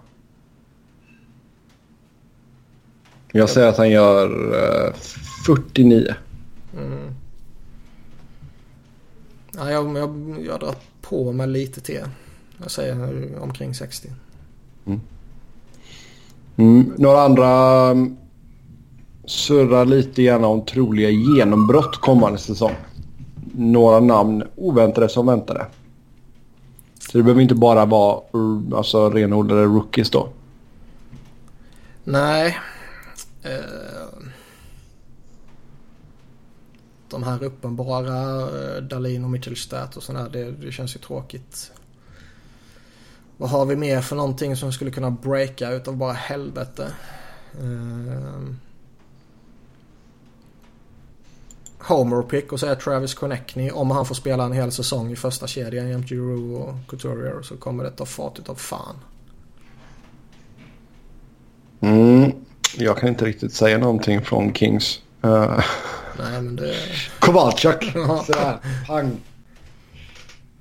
Jag undrar vad som händer med Puljojärvi. Ja. Det luktar bast va? Fast han är bara 20 bast alltså. Skulle han varit 23 så skulle jag ha skrivit under på det. Men det luktar bast i Edmonton. Ja, jo, han, det gör det han, alltid. Han skulle ju verkligen behöva ett miljonbyte. Eller så låter man honom testa en hel säsong innan man ger upp honom. Ja. Ja. Oväntat igenom. Mikko Koskinen går och petar ner Talbots mätta. Oj, oj, oj. Sjukt, sjukt ointressant men... Um... Puljujärvi är en sån där som man... Uh, man går och väntar på ju. Alltså det hade ju varit lite kul att se om någon, någon av de uh, KHL-målvakterna kunde göra något vettigt. Ja, men det är alltid kul med lite nytt blod. Jag tycker liksom det är oftast fan, det är samma tröka jävla namn. Jo, men jag kan inte påstå att jag går igång på någon av de som har kommit över nu. Mm. Uh, rejäla ja. Uh, svårt. Ho Sang känns det som att skulle han få rätt förutsättningar så kan det ta fart ju. Fan vet om han kommer få det i Islanders dock. Mm.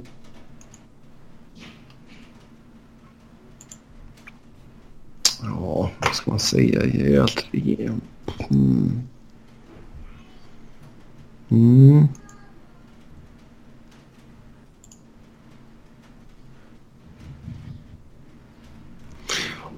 Ja du.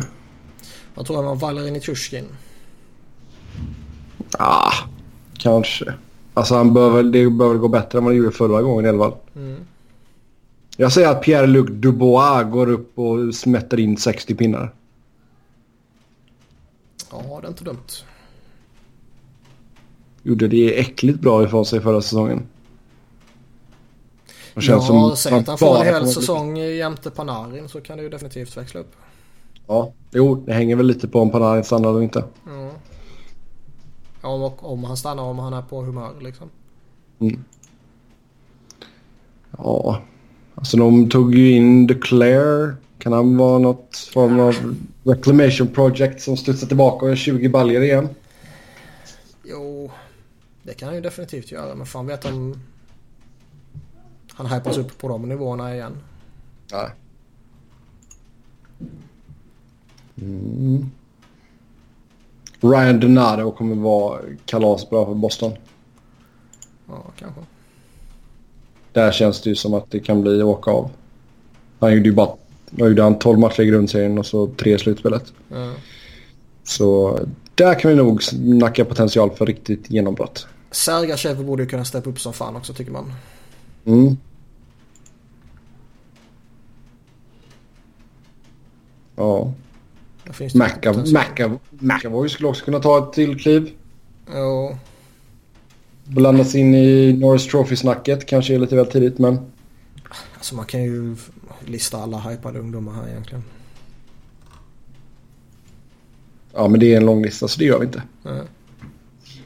Nästa fråga.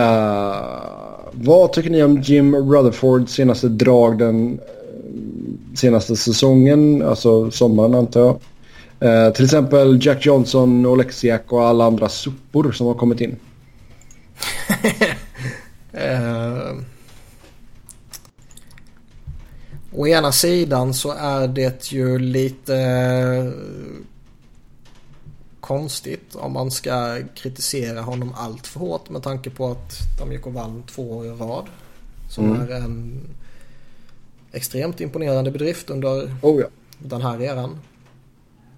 Uh, å andra sidan kan man också fråga sig hur liksom hade han så stor del i det eller var det Crosby, Malkin och gänget som, som fixade det?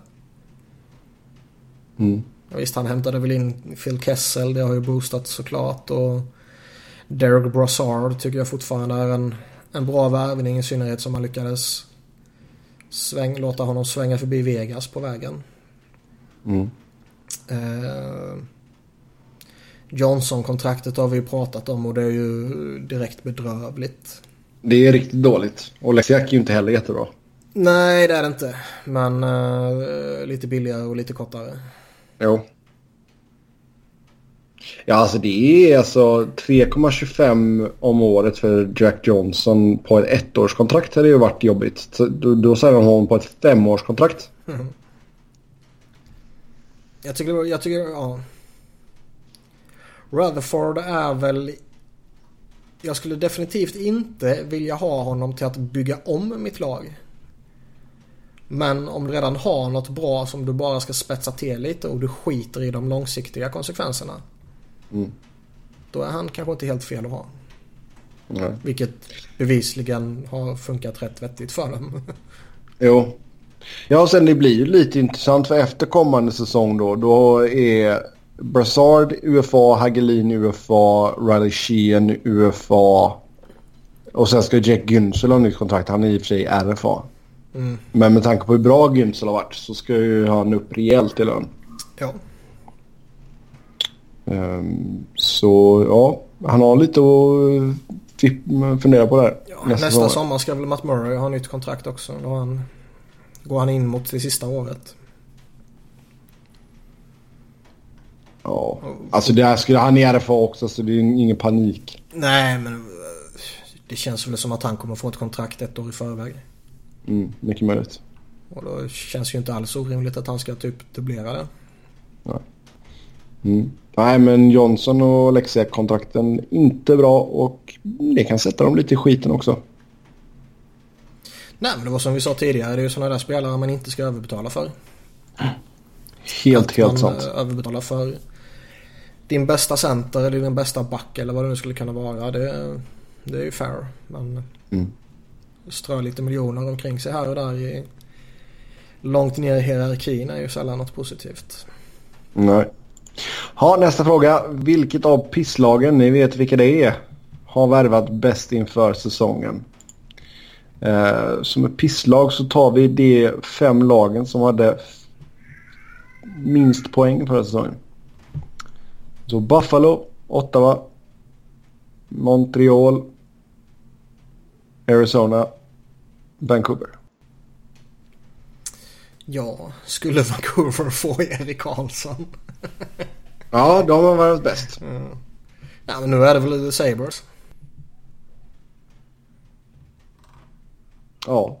Alltså de får två grymma trades i Skinner och Cherry som de får billigt. Uh, I synnerhet Skinner är ju oförskämt billigt tycker jag. Uh, Ryan O'Reilly tycker jag väl fortfarande att de borde fått något bättre för. Men uh, jag tycker man borde fått ett riktigt bra draftval eller man borde fått en, en riktigt bra prospect. Nu fick de en, en schysst prospect typ i Tage Thompson och sen fick de Tage. Ja, sen fick de Sobotka och Bulan som är... De är inte dåliga på något sätt. Men de är lite för mediokra för att den där traden ska bli fantastisk. Dock kommer de hjälpa Sabres. Det är en uppgradering från vad de hade tidigare. Oh ja. Så traden i sig är väl inte tillräckligt bra, men ändå bra. De har ju i synnerhet forwardspositionen har de ju snyggat till på ett imponerande sätt. Mm. Och Dahlin, yes. jag vet inte om man ska inkludera egen draftade spelare i, i den diskussionen. Men han kommer givetvis hjälpa försvaret. Jo. Nej, det kanske man inte ska men, men ändå. Men ändå. Ja, eh, då ska vi se. Sista frågan ut för idag. Kan ni lista det sämsta med varje organisation? Typ ägare, GM, fans, arena och så vidare. Så vi plöjer på här. Vi börjar med Pacific Division. Arizona. Arena skulle jag säga Allt. där. Arena. Allt. Vadå allt? Men vad... Eh, vad menar du med arena? Är den liksom sliten? Ligger den på fel ställe eller är den liksom? Den, den, ja, för det första så har man ju liksom surrat om att man ska flytta alltså inom Arizona då. Väldigt länge. Uh, arenan ligger ju helt fel. Mm. Uh, och sen kan det vara så att folk helt enkelt inte känner för att sitta. Det kan bli en jävla trafik. Nämligen. Mm. Folk kanske känner att ah, men då skiter det Jag orkar inte sitta i, i liksom två timmar eller två och en halv timmars trafik för att ta mig till matchen. Och visst, det kan ses som lite mjösigt för det finns folk som gör det varenda dag. Men så är det. Arenan ligger fel. Uh, och sen att liksom hela tjafset med uh, staden Glendale och allt sånt där. Det har varit en jävla soppa bara. Så arenan är det sämsta. Jag är väl inne på samma spår men jag skulle väl vilja utöka det typ marknaden i stort. Mm. Uh, där hela den där diskussionen som du drog givetvis är en, en del av det. En stor del av det. Men det känns som att de har testat den här marknaden, de har inte fått det att funka. Eh, de klänger ja. fast vid, och det menar jag liksom ligan då. Mm. De klänger fast vid den som att det finns någon superpotential men det verkar inte finnas det liksom. Publikunderlaget är ju, eller publikunderlaget kanske är bra men den faktiska publiken är ju inte bra. Nej, exakt. Siffrorna. Nej, men och, och det är ju just det att... Nej, men jag tror... Alltså, hade du fått en arena som är antingen i centralt i stan eller ut mot... Um, inte långt ut åt helvete i alla fall. Nej, exakt. Nej, men om du tänker dig Tempe eller liksom södra Scottsdale, då hade det varit helt okej tror jag. För det är intressant uh, det här med liksom... Kanske är lite jobbigt för folk som inte vet geografin jo. på Phoenix Metro. Ja, och det men... är bara du som vet det av alla som lyssnar på den här podden. Glendale ligger en bit i, i väster ifrån uh, Phoenix. Men alltså det, det är ju... Det finns ju fördelar och nackdelar med att ha den downtown. Det är oftast enkelt att ta sig dit och hela det här köret. Uh, fördelen med att ha den lite utanför centrumkärnan så att säga är ju att parkeringsmöjligheter rimligtvis är ännu mycket bättre och det liksom tailgating och allt sånt här. Man ser ju sällan tailgating i Madison Square eller utanför Madison Square Garden. Nej, det, det ser man väldigt sällan. Där är det inte lätt att hitta parkering. Nej. Men han sa den lite utanför med parkeringskomplex och hela det köret. Det kan ju underlätta för sådana saker. Ja, alltså på så sätt vara... så på så sätt så ligger ju arenan bra till om man säger så. Det finns ju bra, gott om parkeringar och tailgating har varit svinkul mm. där ute. Men den eh. där smärtgränsen... Och sen hjälper det ju inte att laget har varit katastrof heller. Nej. Det är liksom, tror jag att hade laget, för det såg man ju på, på det amerikanska fotbollslaget som spelar också där ute. Deras arena ligger alldeles bredvid. Det är liksom en, ett slagskott bort. Uh, och när de vinner, eller när de är bra, då är det full, mer eller mindre fullsatt. Men mycket verkar hänga på precis, alltså hur det går för lagen. För jag menar, basketbolllaget, deras arena ligger smäck i centrum. Så säger man ja. fan inte. Basketlaget, eh, Phoenix Suns, eh, de, deras arena är i, i centrum. Men det är samma sak där. Är de inte bra, då kommer inte publiken. Klart att lagets kvalitet avgör såklart. Mm. Eh, vi pratade Chicago innan, de hade ju ingen publik. När de här mörka åren, hastigt och lustigt så går de och vinner lite och så är de bäst publik i ligan enligt somliga liksom. Mm. Och liksom de har en jävligt, alltså det är ju en liten men en jävligt skön hardcore-grupp av fans som de har. Jo. Så eh, de, de, ska, de, de ska ha props. Mm. Och nu har de något spännande på gång men det känns fortfarande som att marknaden i stort Kommer de verkligen få det att funka där? Jag vet fan. Jag tror det är det största problemet. Jag tror det kommer krävas att de blir ett gediget slutspelslag. För att det ska kunna vända. Alltså att du går till slutspel ett par år på raken. Mm, kanske. Uh, Vancouver. Uh, jag vill lite säga ägare här. Ja, det är fan sant. Faktiskt. Det känns som att de var lite för, uh, för stora krav på, på laget. Alltså, Man har ju en konstig världsbild. ja. uh, det underlättar ju inte Bennings jobb. Nej, och likadant med föregångare där. Det har ju Bobby Lou-traden och hela den fadäsen och allt sånt här liksom. Det... Ja, typ. Och jag vet hur det är som flyersupporter med en ägare som är, uh, sätter höga krav och som gärna vill involvera sig. Uh,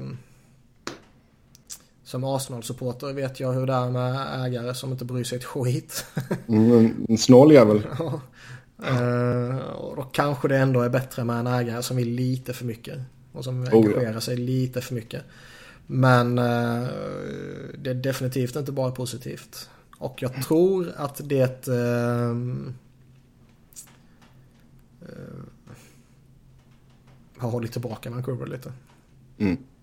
Men jag tror ändå så nu att världsbilden kanske kan förändras lite utan Sedinarna. Även för ägarna. Mm. Ja, det får man väl hoppas för Vancouvers del. Ja. Edmonton. Hela front office. Eh, ja.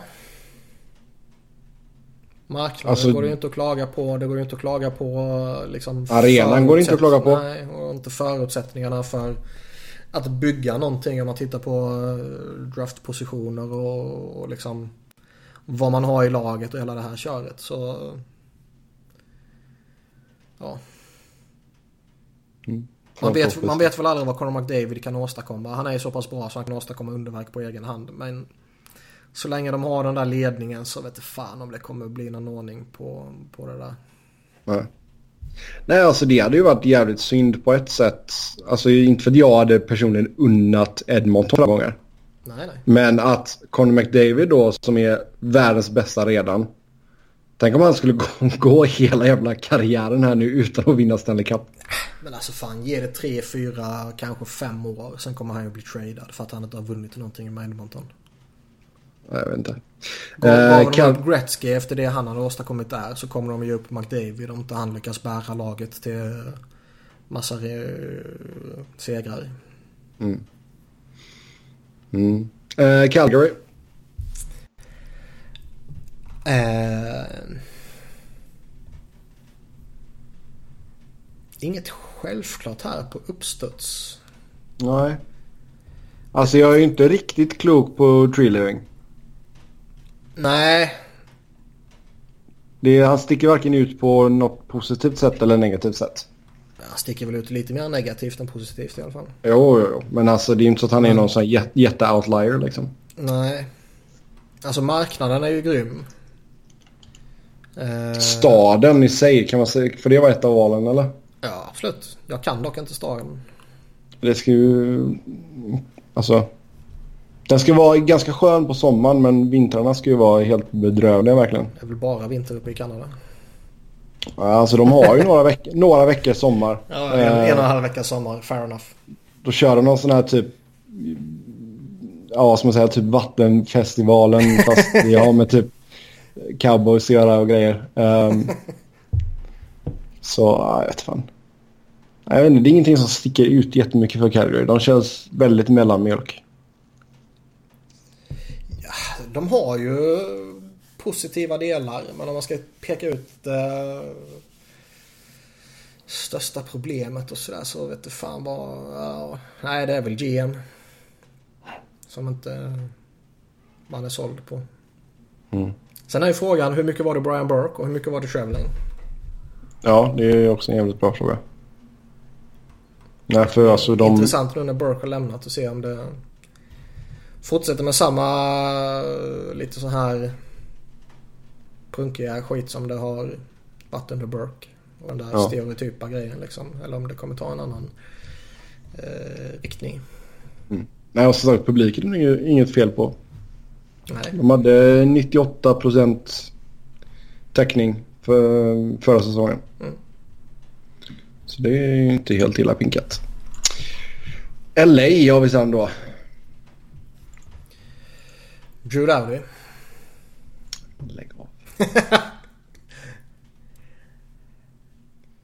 ja, alltså man har ju ändå bytt GM och lite sådana grejer nu så annars hade ju alltså det har varit dundergivet annars. Ja, Men, eh, skulle ju fått rösten om han skulle ha varit kvar.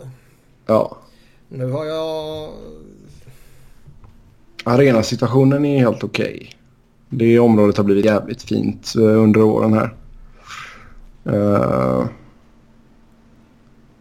nej, alltså man får ju typ gå, gå in och kolla på laget här och peka ut någon. Alltså är, man har ju som sagt fortfarande Så det är väl kanske återväxten som... eh, Mm, kanske det, är- ja, ja, ja. Tack systemet ja.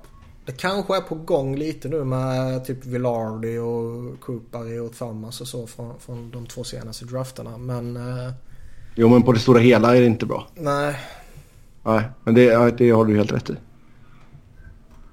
Så det, det köper jag totalt. Systemet helt enkelt. Eh, San Jose. Eh, känns som att de har en hygglig coach. Det känns som att de har en rätt vettig GM. Det känns som att de har eh, truppen och allt sånt där känns vettig. Ägarsituationen har jag faktiskt inte koll på. Eh, stan är ju schysst och hela det här köret. Stan är okej. Mm. Det är ju inte San Francisco liksom. Nej, nej. Men samtidigt så tar det inte jättelång tid att köra från San Jose till San Francisco. Mm. Eh, återväxten här också kanske. Mm, alltså stommen är ju gammal. Jo, men... Eh, Det kommer ju bli ett problem. kortsiktigt så... Eh, håller den ju. Jo, det gör det. Men ja, kombinationen av åldrande stomme och lite halvdan återväxt. Mm. Kanske. Nej, det, men sen det, alltså, det är ju också ett betyg på att Sharks har varit jävligt stabila. Eh, ofta de är liksom i toppen av Pacific. Ja, bra men inte tillräckligt bra. Nej. Mm, Anaheim. Jag är ju verkligen inte såld på Bob Murray. Mm. Vi har ju pratat om det tidigare men det, är liksom det, här, det kändes som att han inte riktigt synkade med Boudreau när han tradade till sig spelare som han inte ville använda. Och Nej, det var riktigt konstigt. liksom så sparkar man honom för att ta in Randy Carlisle. Uh, ja, det känns bara jävligt lustigt. Ja. Ja. skulle- Honda, Cen- Honda Center är en skitarena också. Ska vi lägga till. Uh, det har jag aldrig varit så det har jag ingen aning om. Nej, skit. Men ehm, det känns ju som att han som anställde Carlisle är ju ett större problem än Carlisle. Ja. Det vill jag hålla med om. Så vi, vi kör GM där. Sen sist ut Pacific, Las Vegas. Eller förlåt mig, Vegas. Ja. Det är svårt att säga någonting här. Ja. Det är, näst, Det är lite- det är nästan som man har lite för nytt. Ja, men det är nästan som man har tillåtelse att skippa dem. Ja. Det kan jag väl Vi köpa. kan konstatera Sen, att de misslyckades kopiöst med sin målsättning inför säsongen i alla fall. ja, så McPhee helt enkelt. McPhee total misslyckades med det han, hans mål var egentligen. Ja, Och det är ju egentligen sjukt roligt i sig. jo. faktiskt. Ehm, man undrar ju egentligen hur mycket hybris uh, Golden Knights-fansen har fått här nu. Förväntar de sig att de ska vara ett topplag nu? Ja. Man undrar ju lite vad, vad, vad kommer hända? Alltså sannolikheten för att Vegas inleder med 10 raka torsk borde väl rimligtvis vara större än att de typ inleder med 10 raka segrar. Ja. Eh, vad händer med hypen och vad händer med liksom tryck i arenan och hela det här köret om de verkligen börjar skituselt nu? Vilket ju inte alls känns som en omöjlighet. Nej. Alltså säsongsbiljetterna måste ju ha gått som smör. Jo, jo, och där behöver man kanske binda upp sig på tid och något sånt där också. Ja. Så det... Ja, nej, alltså det blev... Det... Hypen var ju otrolig. Det var ju den hetaste biljetten i hela Las Vegas. Så det, det är ju Säger jävligt coolt på ett sätt. Det är ju jävligt coolt på ett sätt. Är det. Och eh, ska försöka att ta mig dit nu kommande säsong. Faktiskt. Central då. Chicago hittade vi i botten. Enda laget i eh, Central med eh, negativ målskillnad kan vi ju säga också. Lite kuriosa. Ja, det var en jävla kuriosa. Mm. Ehm, Tänk dig där när du får den om sju år och du sitter på ett quiz. Vilket var det enda laget i Central Division som hade negativ målskillnad säsongen 2017-2018? ja, då ska jag komma ihåg Chicago. Ja, exakt. Ehm, det enkla här är ju lite liknande San Jose. Åldrande core, återväxt som inte riktigt har tagit fart ännu. Ja, framförallt dyrkår. Ja. Sen är man liksom Stan Bowman, han har han har gjort jävligt mycket bra för dem. Hållit dem slagkraftiga hela vägen fram till mm, nyligen liksom. Byggt om och byggt nytt mest hela tiden och gjort det framgångsrikt. Och,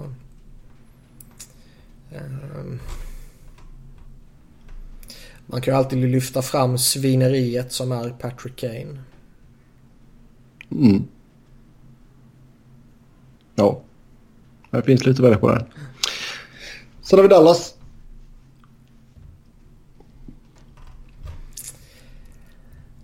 Eh...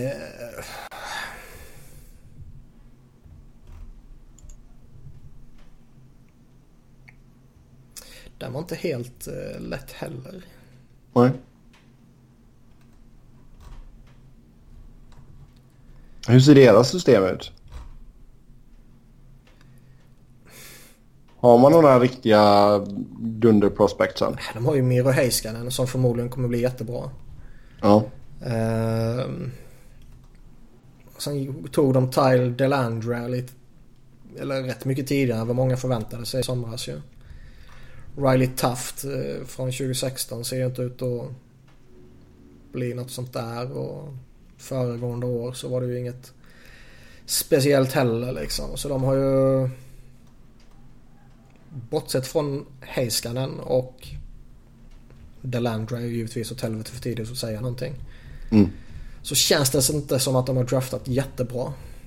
Nej. Det kanske är det man ska dra Så till. scout, scoutingverksamheten helt enkelt. Ja. Sen har vi St. Louis. Ehm, jag är ju inte såld på Armstrong. GM.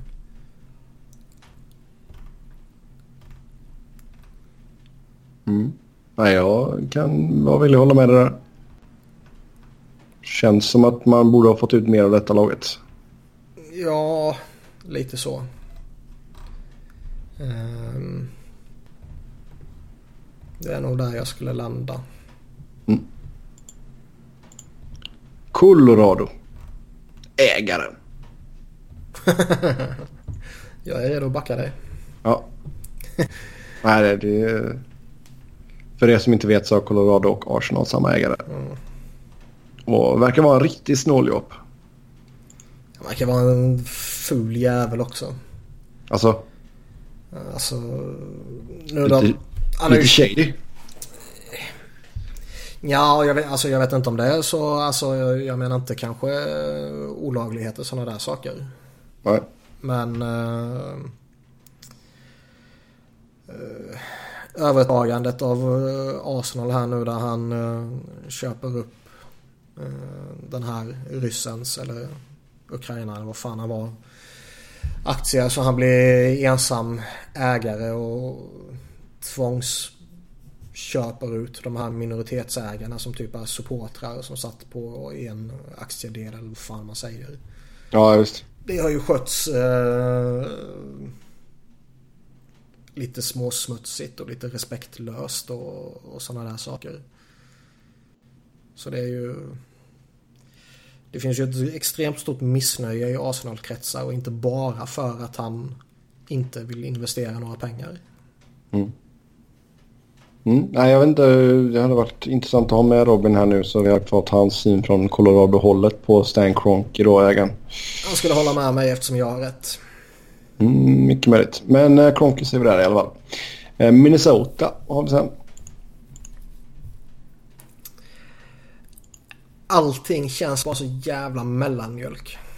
Mm. Zach Parisis hälsa. Ja, sen är ju frågan alltså visst det, det är ett problem och det där kontraktet kommer ju... Det kommer bita dem i röven. Det kommer bli jävligt jobbigt för dem men... ehm, ja, det kanske är det enskilt största problemet. Mm. Ja.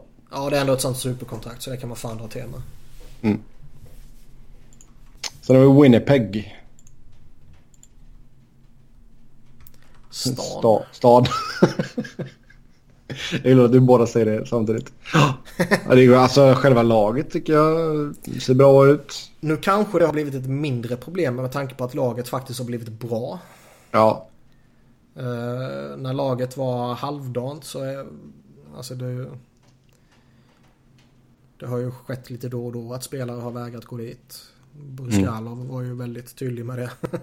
ja. Men... Han var, han var rädd för björnar eller någonting. Ja. Men alltså blir man en contender och Connor Hellebuck blir ligans bästa målvakt och Mark Scheifele och Patrik Laine och Nikolaj Ehlers tar en helvetes fart och hela det här köret. Alltså, det är klart man kommer vilja gå och spela för Jets. Ja. Men stan är nog fortfarande det stora problemet skulle jag säga. Mm. Sen har de väl en relativt liten arena också. Eh, Det tar ju ska vi 15 000 se. någonting bara har jag för mig. ska vi se vad De fan har skulle jag där lugnt kunna ha en 20 Ja, just det.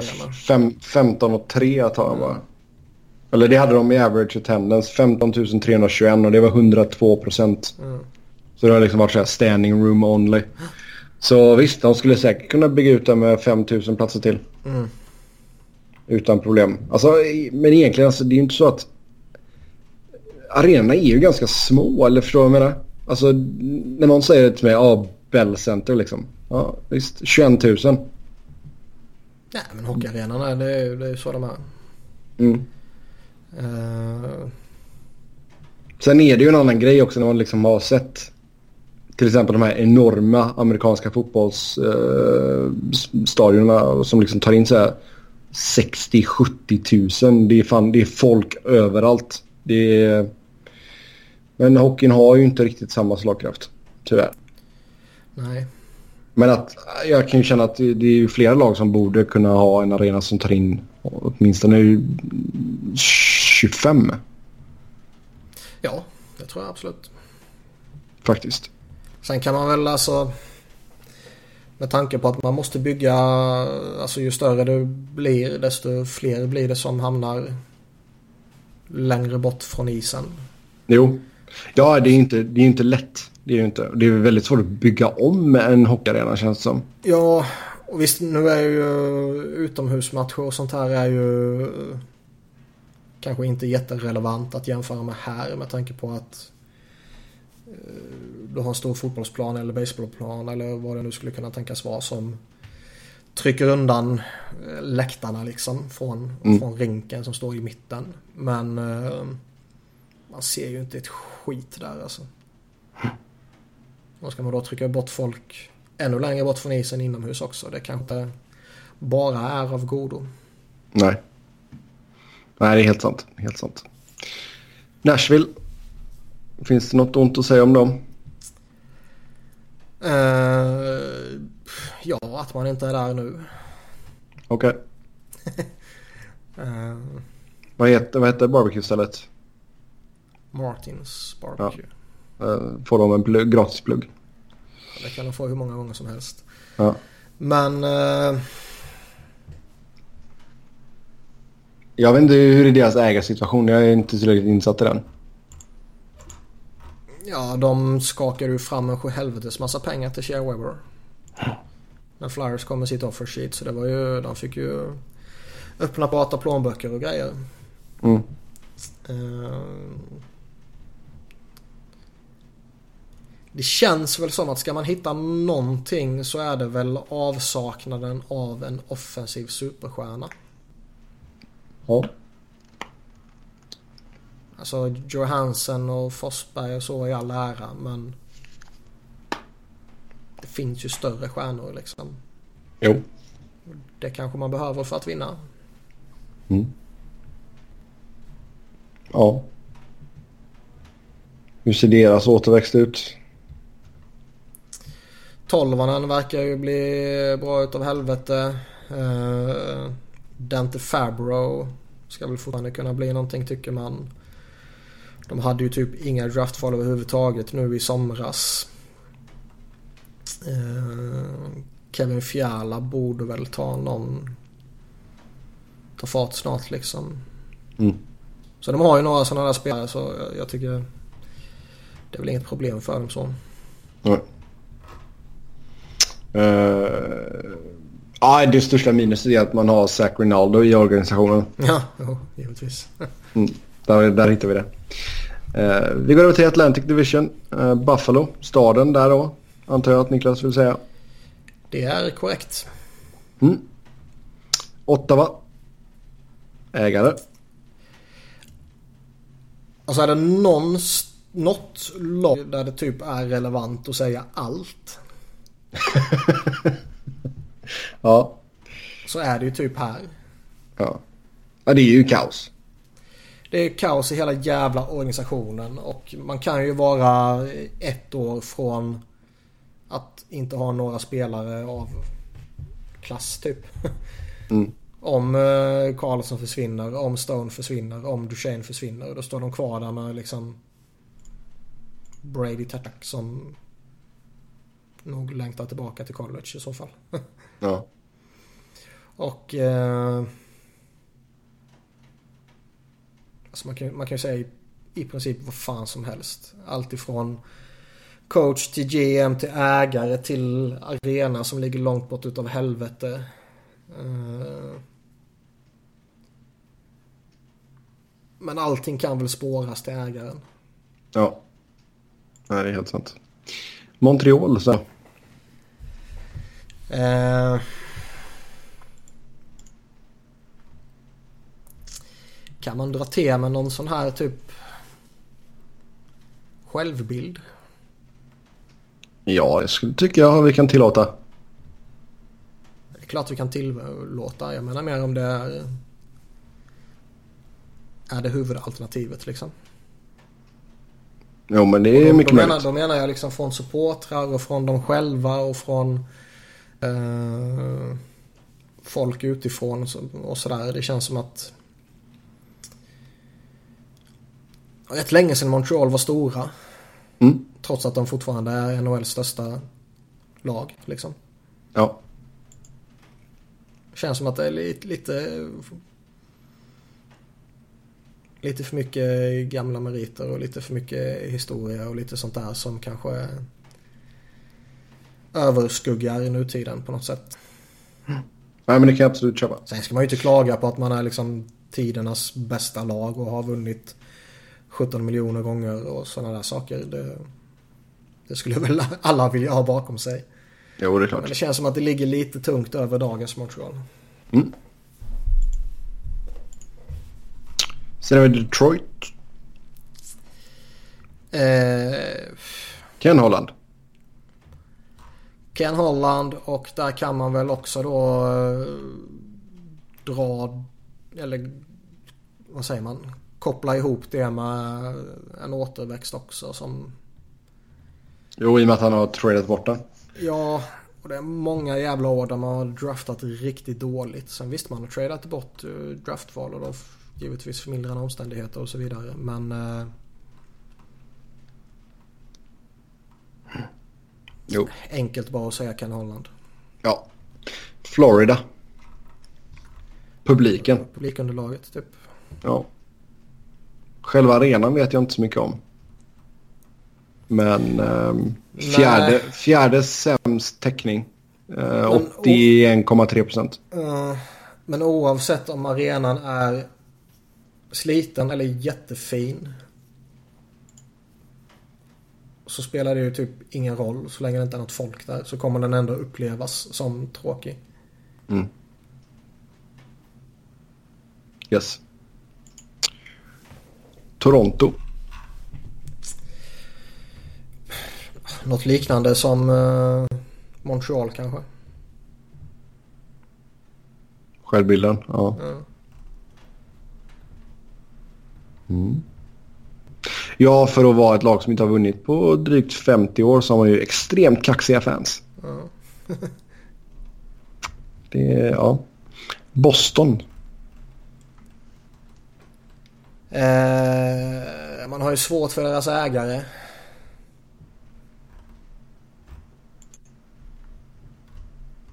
Mm. Som ju ska vara en av de här som är drivande bakom lockouterna och hela den där skiten. Ja, okej. En sån, sån rolig människa. Ja. Ehm. Sen om han har påverkat, jag tror inte han har så liksom påverkat laget negativt. Ehm, Utan där kanske han har inte ett problem så att säga. Nej. Men för mig är han ett jävla problem. Ja, för ligan i, helhet. Ja. Tampa Bay.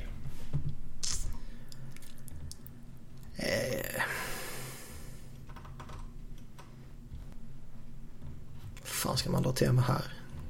Ja, du. Dan Girardi. Ja. Helt villig att hålla med där. Jag vill inte säga något mer. Bra coach, bra ägare. Eh, inte tillräckligt insatt i... Eller bra coach, bra GM. Inte tillräckligt insatt i ägarsituationen. Eh, bra lag på pappret, bra lag på isen. lyckats fylla på med bra spelare underifrån trots att de har gått bra i rätt många år och, och sådär liksom. Mm. Så. Yes. Det finns fan inte mycket att säga om Tampa förutom Dan Girardi. Nej, det är helt sant. Ja, Metropolitan då sist ut. Eh, New York Rangers vi först. Uh, Glenn Sather skulle man ju sagt om han fortfarande uh, var GM.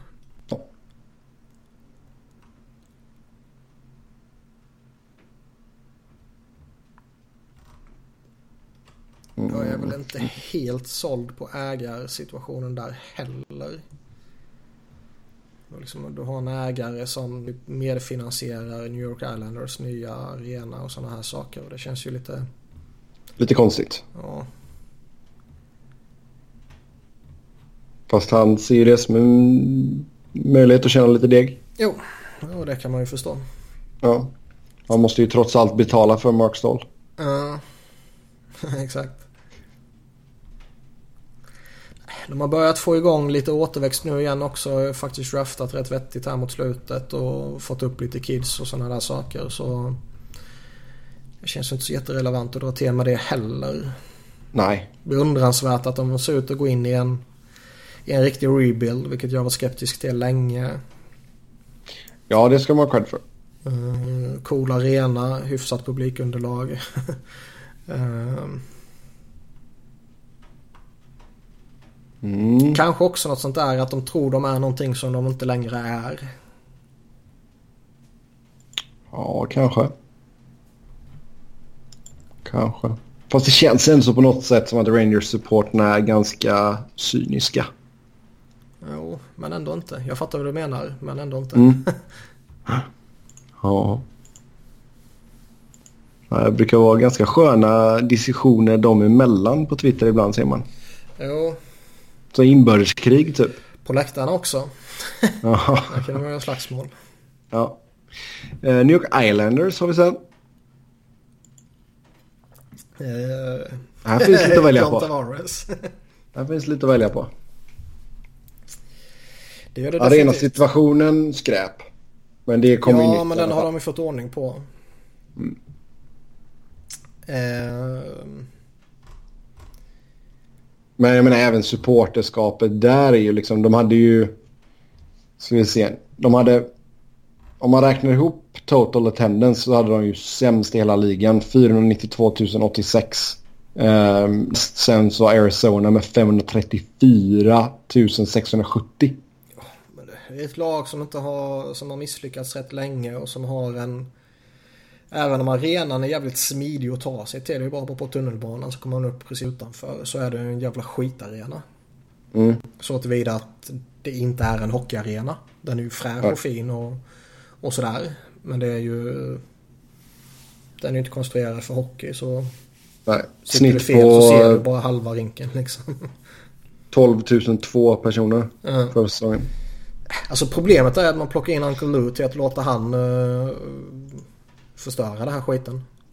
Ja. Okej. Okay. Jag skulle aldrig vilja plocka Uncle Lou idag. Nej. I synnerhet inte för att bygga upp någonting. Vilket rimligtvis ja. är vad de behöver göra. Man ska göra här. Ja. Jo, det är sant. Carolina. Det är väl publiken. Är publiken under laget då eller? Ja. De hade ju Publiken som väl är där gör ju bra tryck i arenan. Ja. Men de hade ju sämst då, eh, alltså procentuellt. De har 71,3 procent fyllde de redan. Ja. Skulle de inte byta ägare här nu så skulle man ju dra till med den förra. Mm. Men Dandon känns ju lite... Eh, Wild and crazy. Ja. Ja, där kan det fan bli åka av alltså när han får för sig någonting. Känns det som. Vilket är kul att följa. Men det känns väl antingen så är det liksom typ publiksiffrorna eller så är det ju typ målvaktsparet. mm. Men hur ligger den arenan i förhållande till stadskärnan? Den ligger, eh, vad tog det, 10-15 minuter med taxi. Okej, okay, ja, men det är ju inte jättefarligt. Eller med bil kanske man ska säga. Ja. Så det är inga problem och den ligger ju... Uh, vad jag eh, lyckades gissa mig till genom att eh, vara där relativt eh, enkelt att ta sig dit också från, alltså med, med highway och sådana här saker från från stan och från närliggande städer och sådana där saker. Mm. En enormt parkeringskomplex runt arenan så det är smidigt och så också. Men det är publiksiffrorna liksom. Ja. New Jersey. Staden. Hej och... Träsket. Träsket, exakt. The Swamp. Nej men alltså det, ja, nej, men det är väl det. En jävla skithåla ja. som ligger utanför New York och ingen vill väl lämna New York och få åka dit liksom. Nej.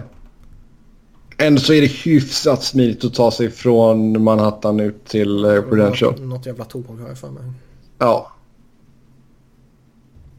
Det, det, är inte jättefarligt. Men som sagt, du, du är fortfarande i New Jersey. Exakt. Ja. Uh, Columbus. Um... Columbus är ingen jätterolig stad heller, ska jag ju tillägga. Nej. Uh, är, det, är det liksom... Är det en tillräckligt stor marknad? För att man ska kunna ta det där steget liksom? Ja, alltså du... Det är väl lite där också. Jag tror att deras publiksiffror kommer väl nog att fortsätta och gå upp. Um, jo, men jag näst... menar marknad menar jag inte bara publiksiffror utan... Uh... Mm. Ja, jag tror att om de på något sätt kan marknadsföra sig själva mer som Ohios lag, om du förstår min mening. Mm. Um, så tror jag man skulle ha mycket uh, vunnet där. För jag menar, det är ju inte långt för mig att köra från Cincinnati till Columbus till exempel. Det tar en timma och en kvart om jag ligger på gasen lite. Ska de göra som när Phoenix bytte från Phoenix till Arizona och byta från Columbus till Ohio Blue Jackets? Ja, varför inte? Varför inte? Jag tror inte att det, det hade varit något negativt. Det är, vissa, det är vissa hardcore-fans som kanske hade klagat. Men eh, på det stora hela, nej varför inte? Marknadsför det som hela Ohios lag. Annars tycker jag det är rätt mycket positivt kring Blue Jackets. Mm. Nu när tårtan har revolutionerat sig själv. tårtan är själv. Alltså vad, vad har vi för uppfattning om Kekkelainen?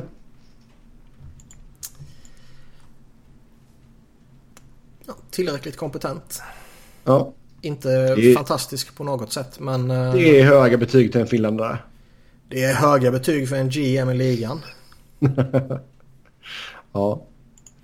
Nej, alltså sen det, ju, det blir intressant här att se hur han hanterar Panarin-situationen. Det är ju ändå ett ganska bra test för honom. Ja. Faktiskt. Så det är, men visst, marknadsför som Ohios lag så kanske ni kan få lite bättre publikunderlag. Uh, sen har vi Philadelphia. Du får inte säga att allting är bra. jag visste, ja, det kände nästan på mig att det skulle komma. uh, men det är väl någon, någon uh, light-version av det här vi var inne på kring Montreal och Toronto. Uh, att det fortfarande finns den här självbilden och pressen både internt och externt att man uh, förväntas vinna hela tiden trots att man inte har förutsättningarna för det liksom. Men det känns ju som ett ganska Philadelphia-problem också, staden som helhet. Hybrisen lär ju inte vara mindre nu när Eagles gick och vann Super Bowl liksom. Nej, jag snackade ju med Robert Hägg för två veckor sedan eller någonting. Gjorde en intervju eller ute på sajten. Så han snackade ju om det också. Det känns som att hela, hela stan är på uppgång nu eh, rent sportsligt. Mm. Där Eagles eh, skapade kaos i stan. Och Flyers är på uppgång och 76ers och basketlaget verkar ju ha någonting på gång. Hur går det för Union? Eh, jag vet inte. Ska vi se, nu måste jag söka på dem bara för det. Uh, ska vi se. Philadelphia Union. De... Uh, mm, de vann med 2-0 över DC United igår. Oj, oj. Sådär ja. Sådär ja. Ska vi se hur de ligger i tabellen här. De ligger femma i Eastern Conference efter 26 spelade matcher. Så en slutspelsplats i alla fall. Ja, skoj för dem. Yes. Ha, eh, Pittsburgh. Eh,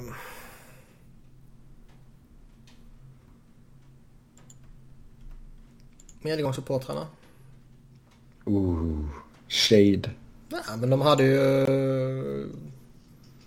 Det var ju skattepengar från Philadelphia som räddade Pittsburgh kvar i Pittsburgh när, under de här mörka åren innan Crosby-eran.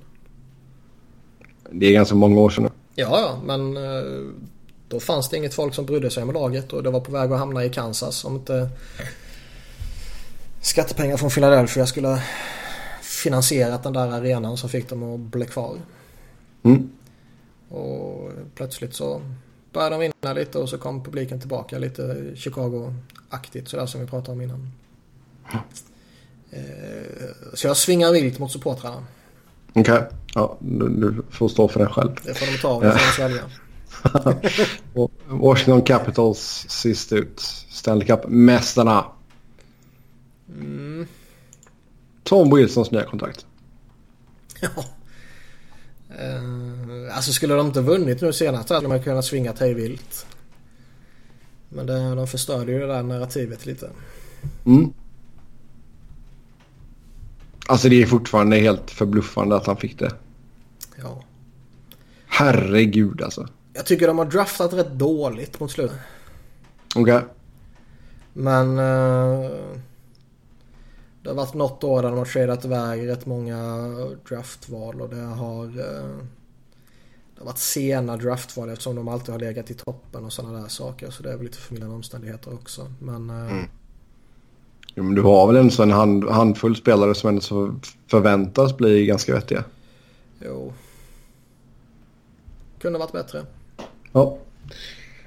Säger du nu kommer Sanson in och blir bästa målvakten i tio år eller någonting? Det är inte han jag menar när jag säger det där. Nej, nej, det, det förstår jag. Ja, med det då så tar vi och säger tack och hej för den här gången. Som vanligt så kan ni köta hockey med oss via Twitter. Mig hittar ni på ett Sebbe Niklas på ett Niklas Wiberg, Niklas på C och KV. Robin hittar ni på R underscore Fredriksson. Förhoppningsvis är han tillbaka nästa avsnitt. Tills nästa gång, ha det gött. Hej! Hej hej!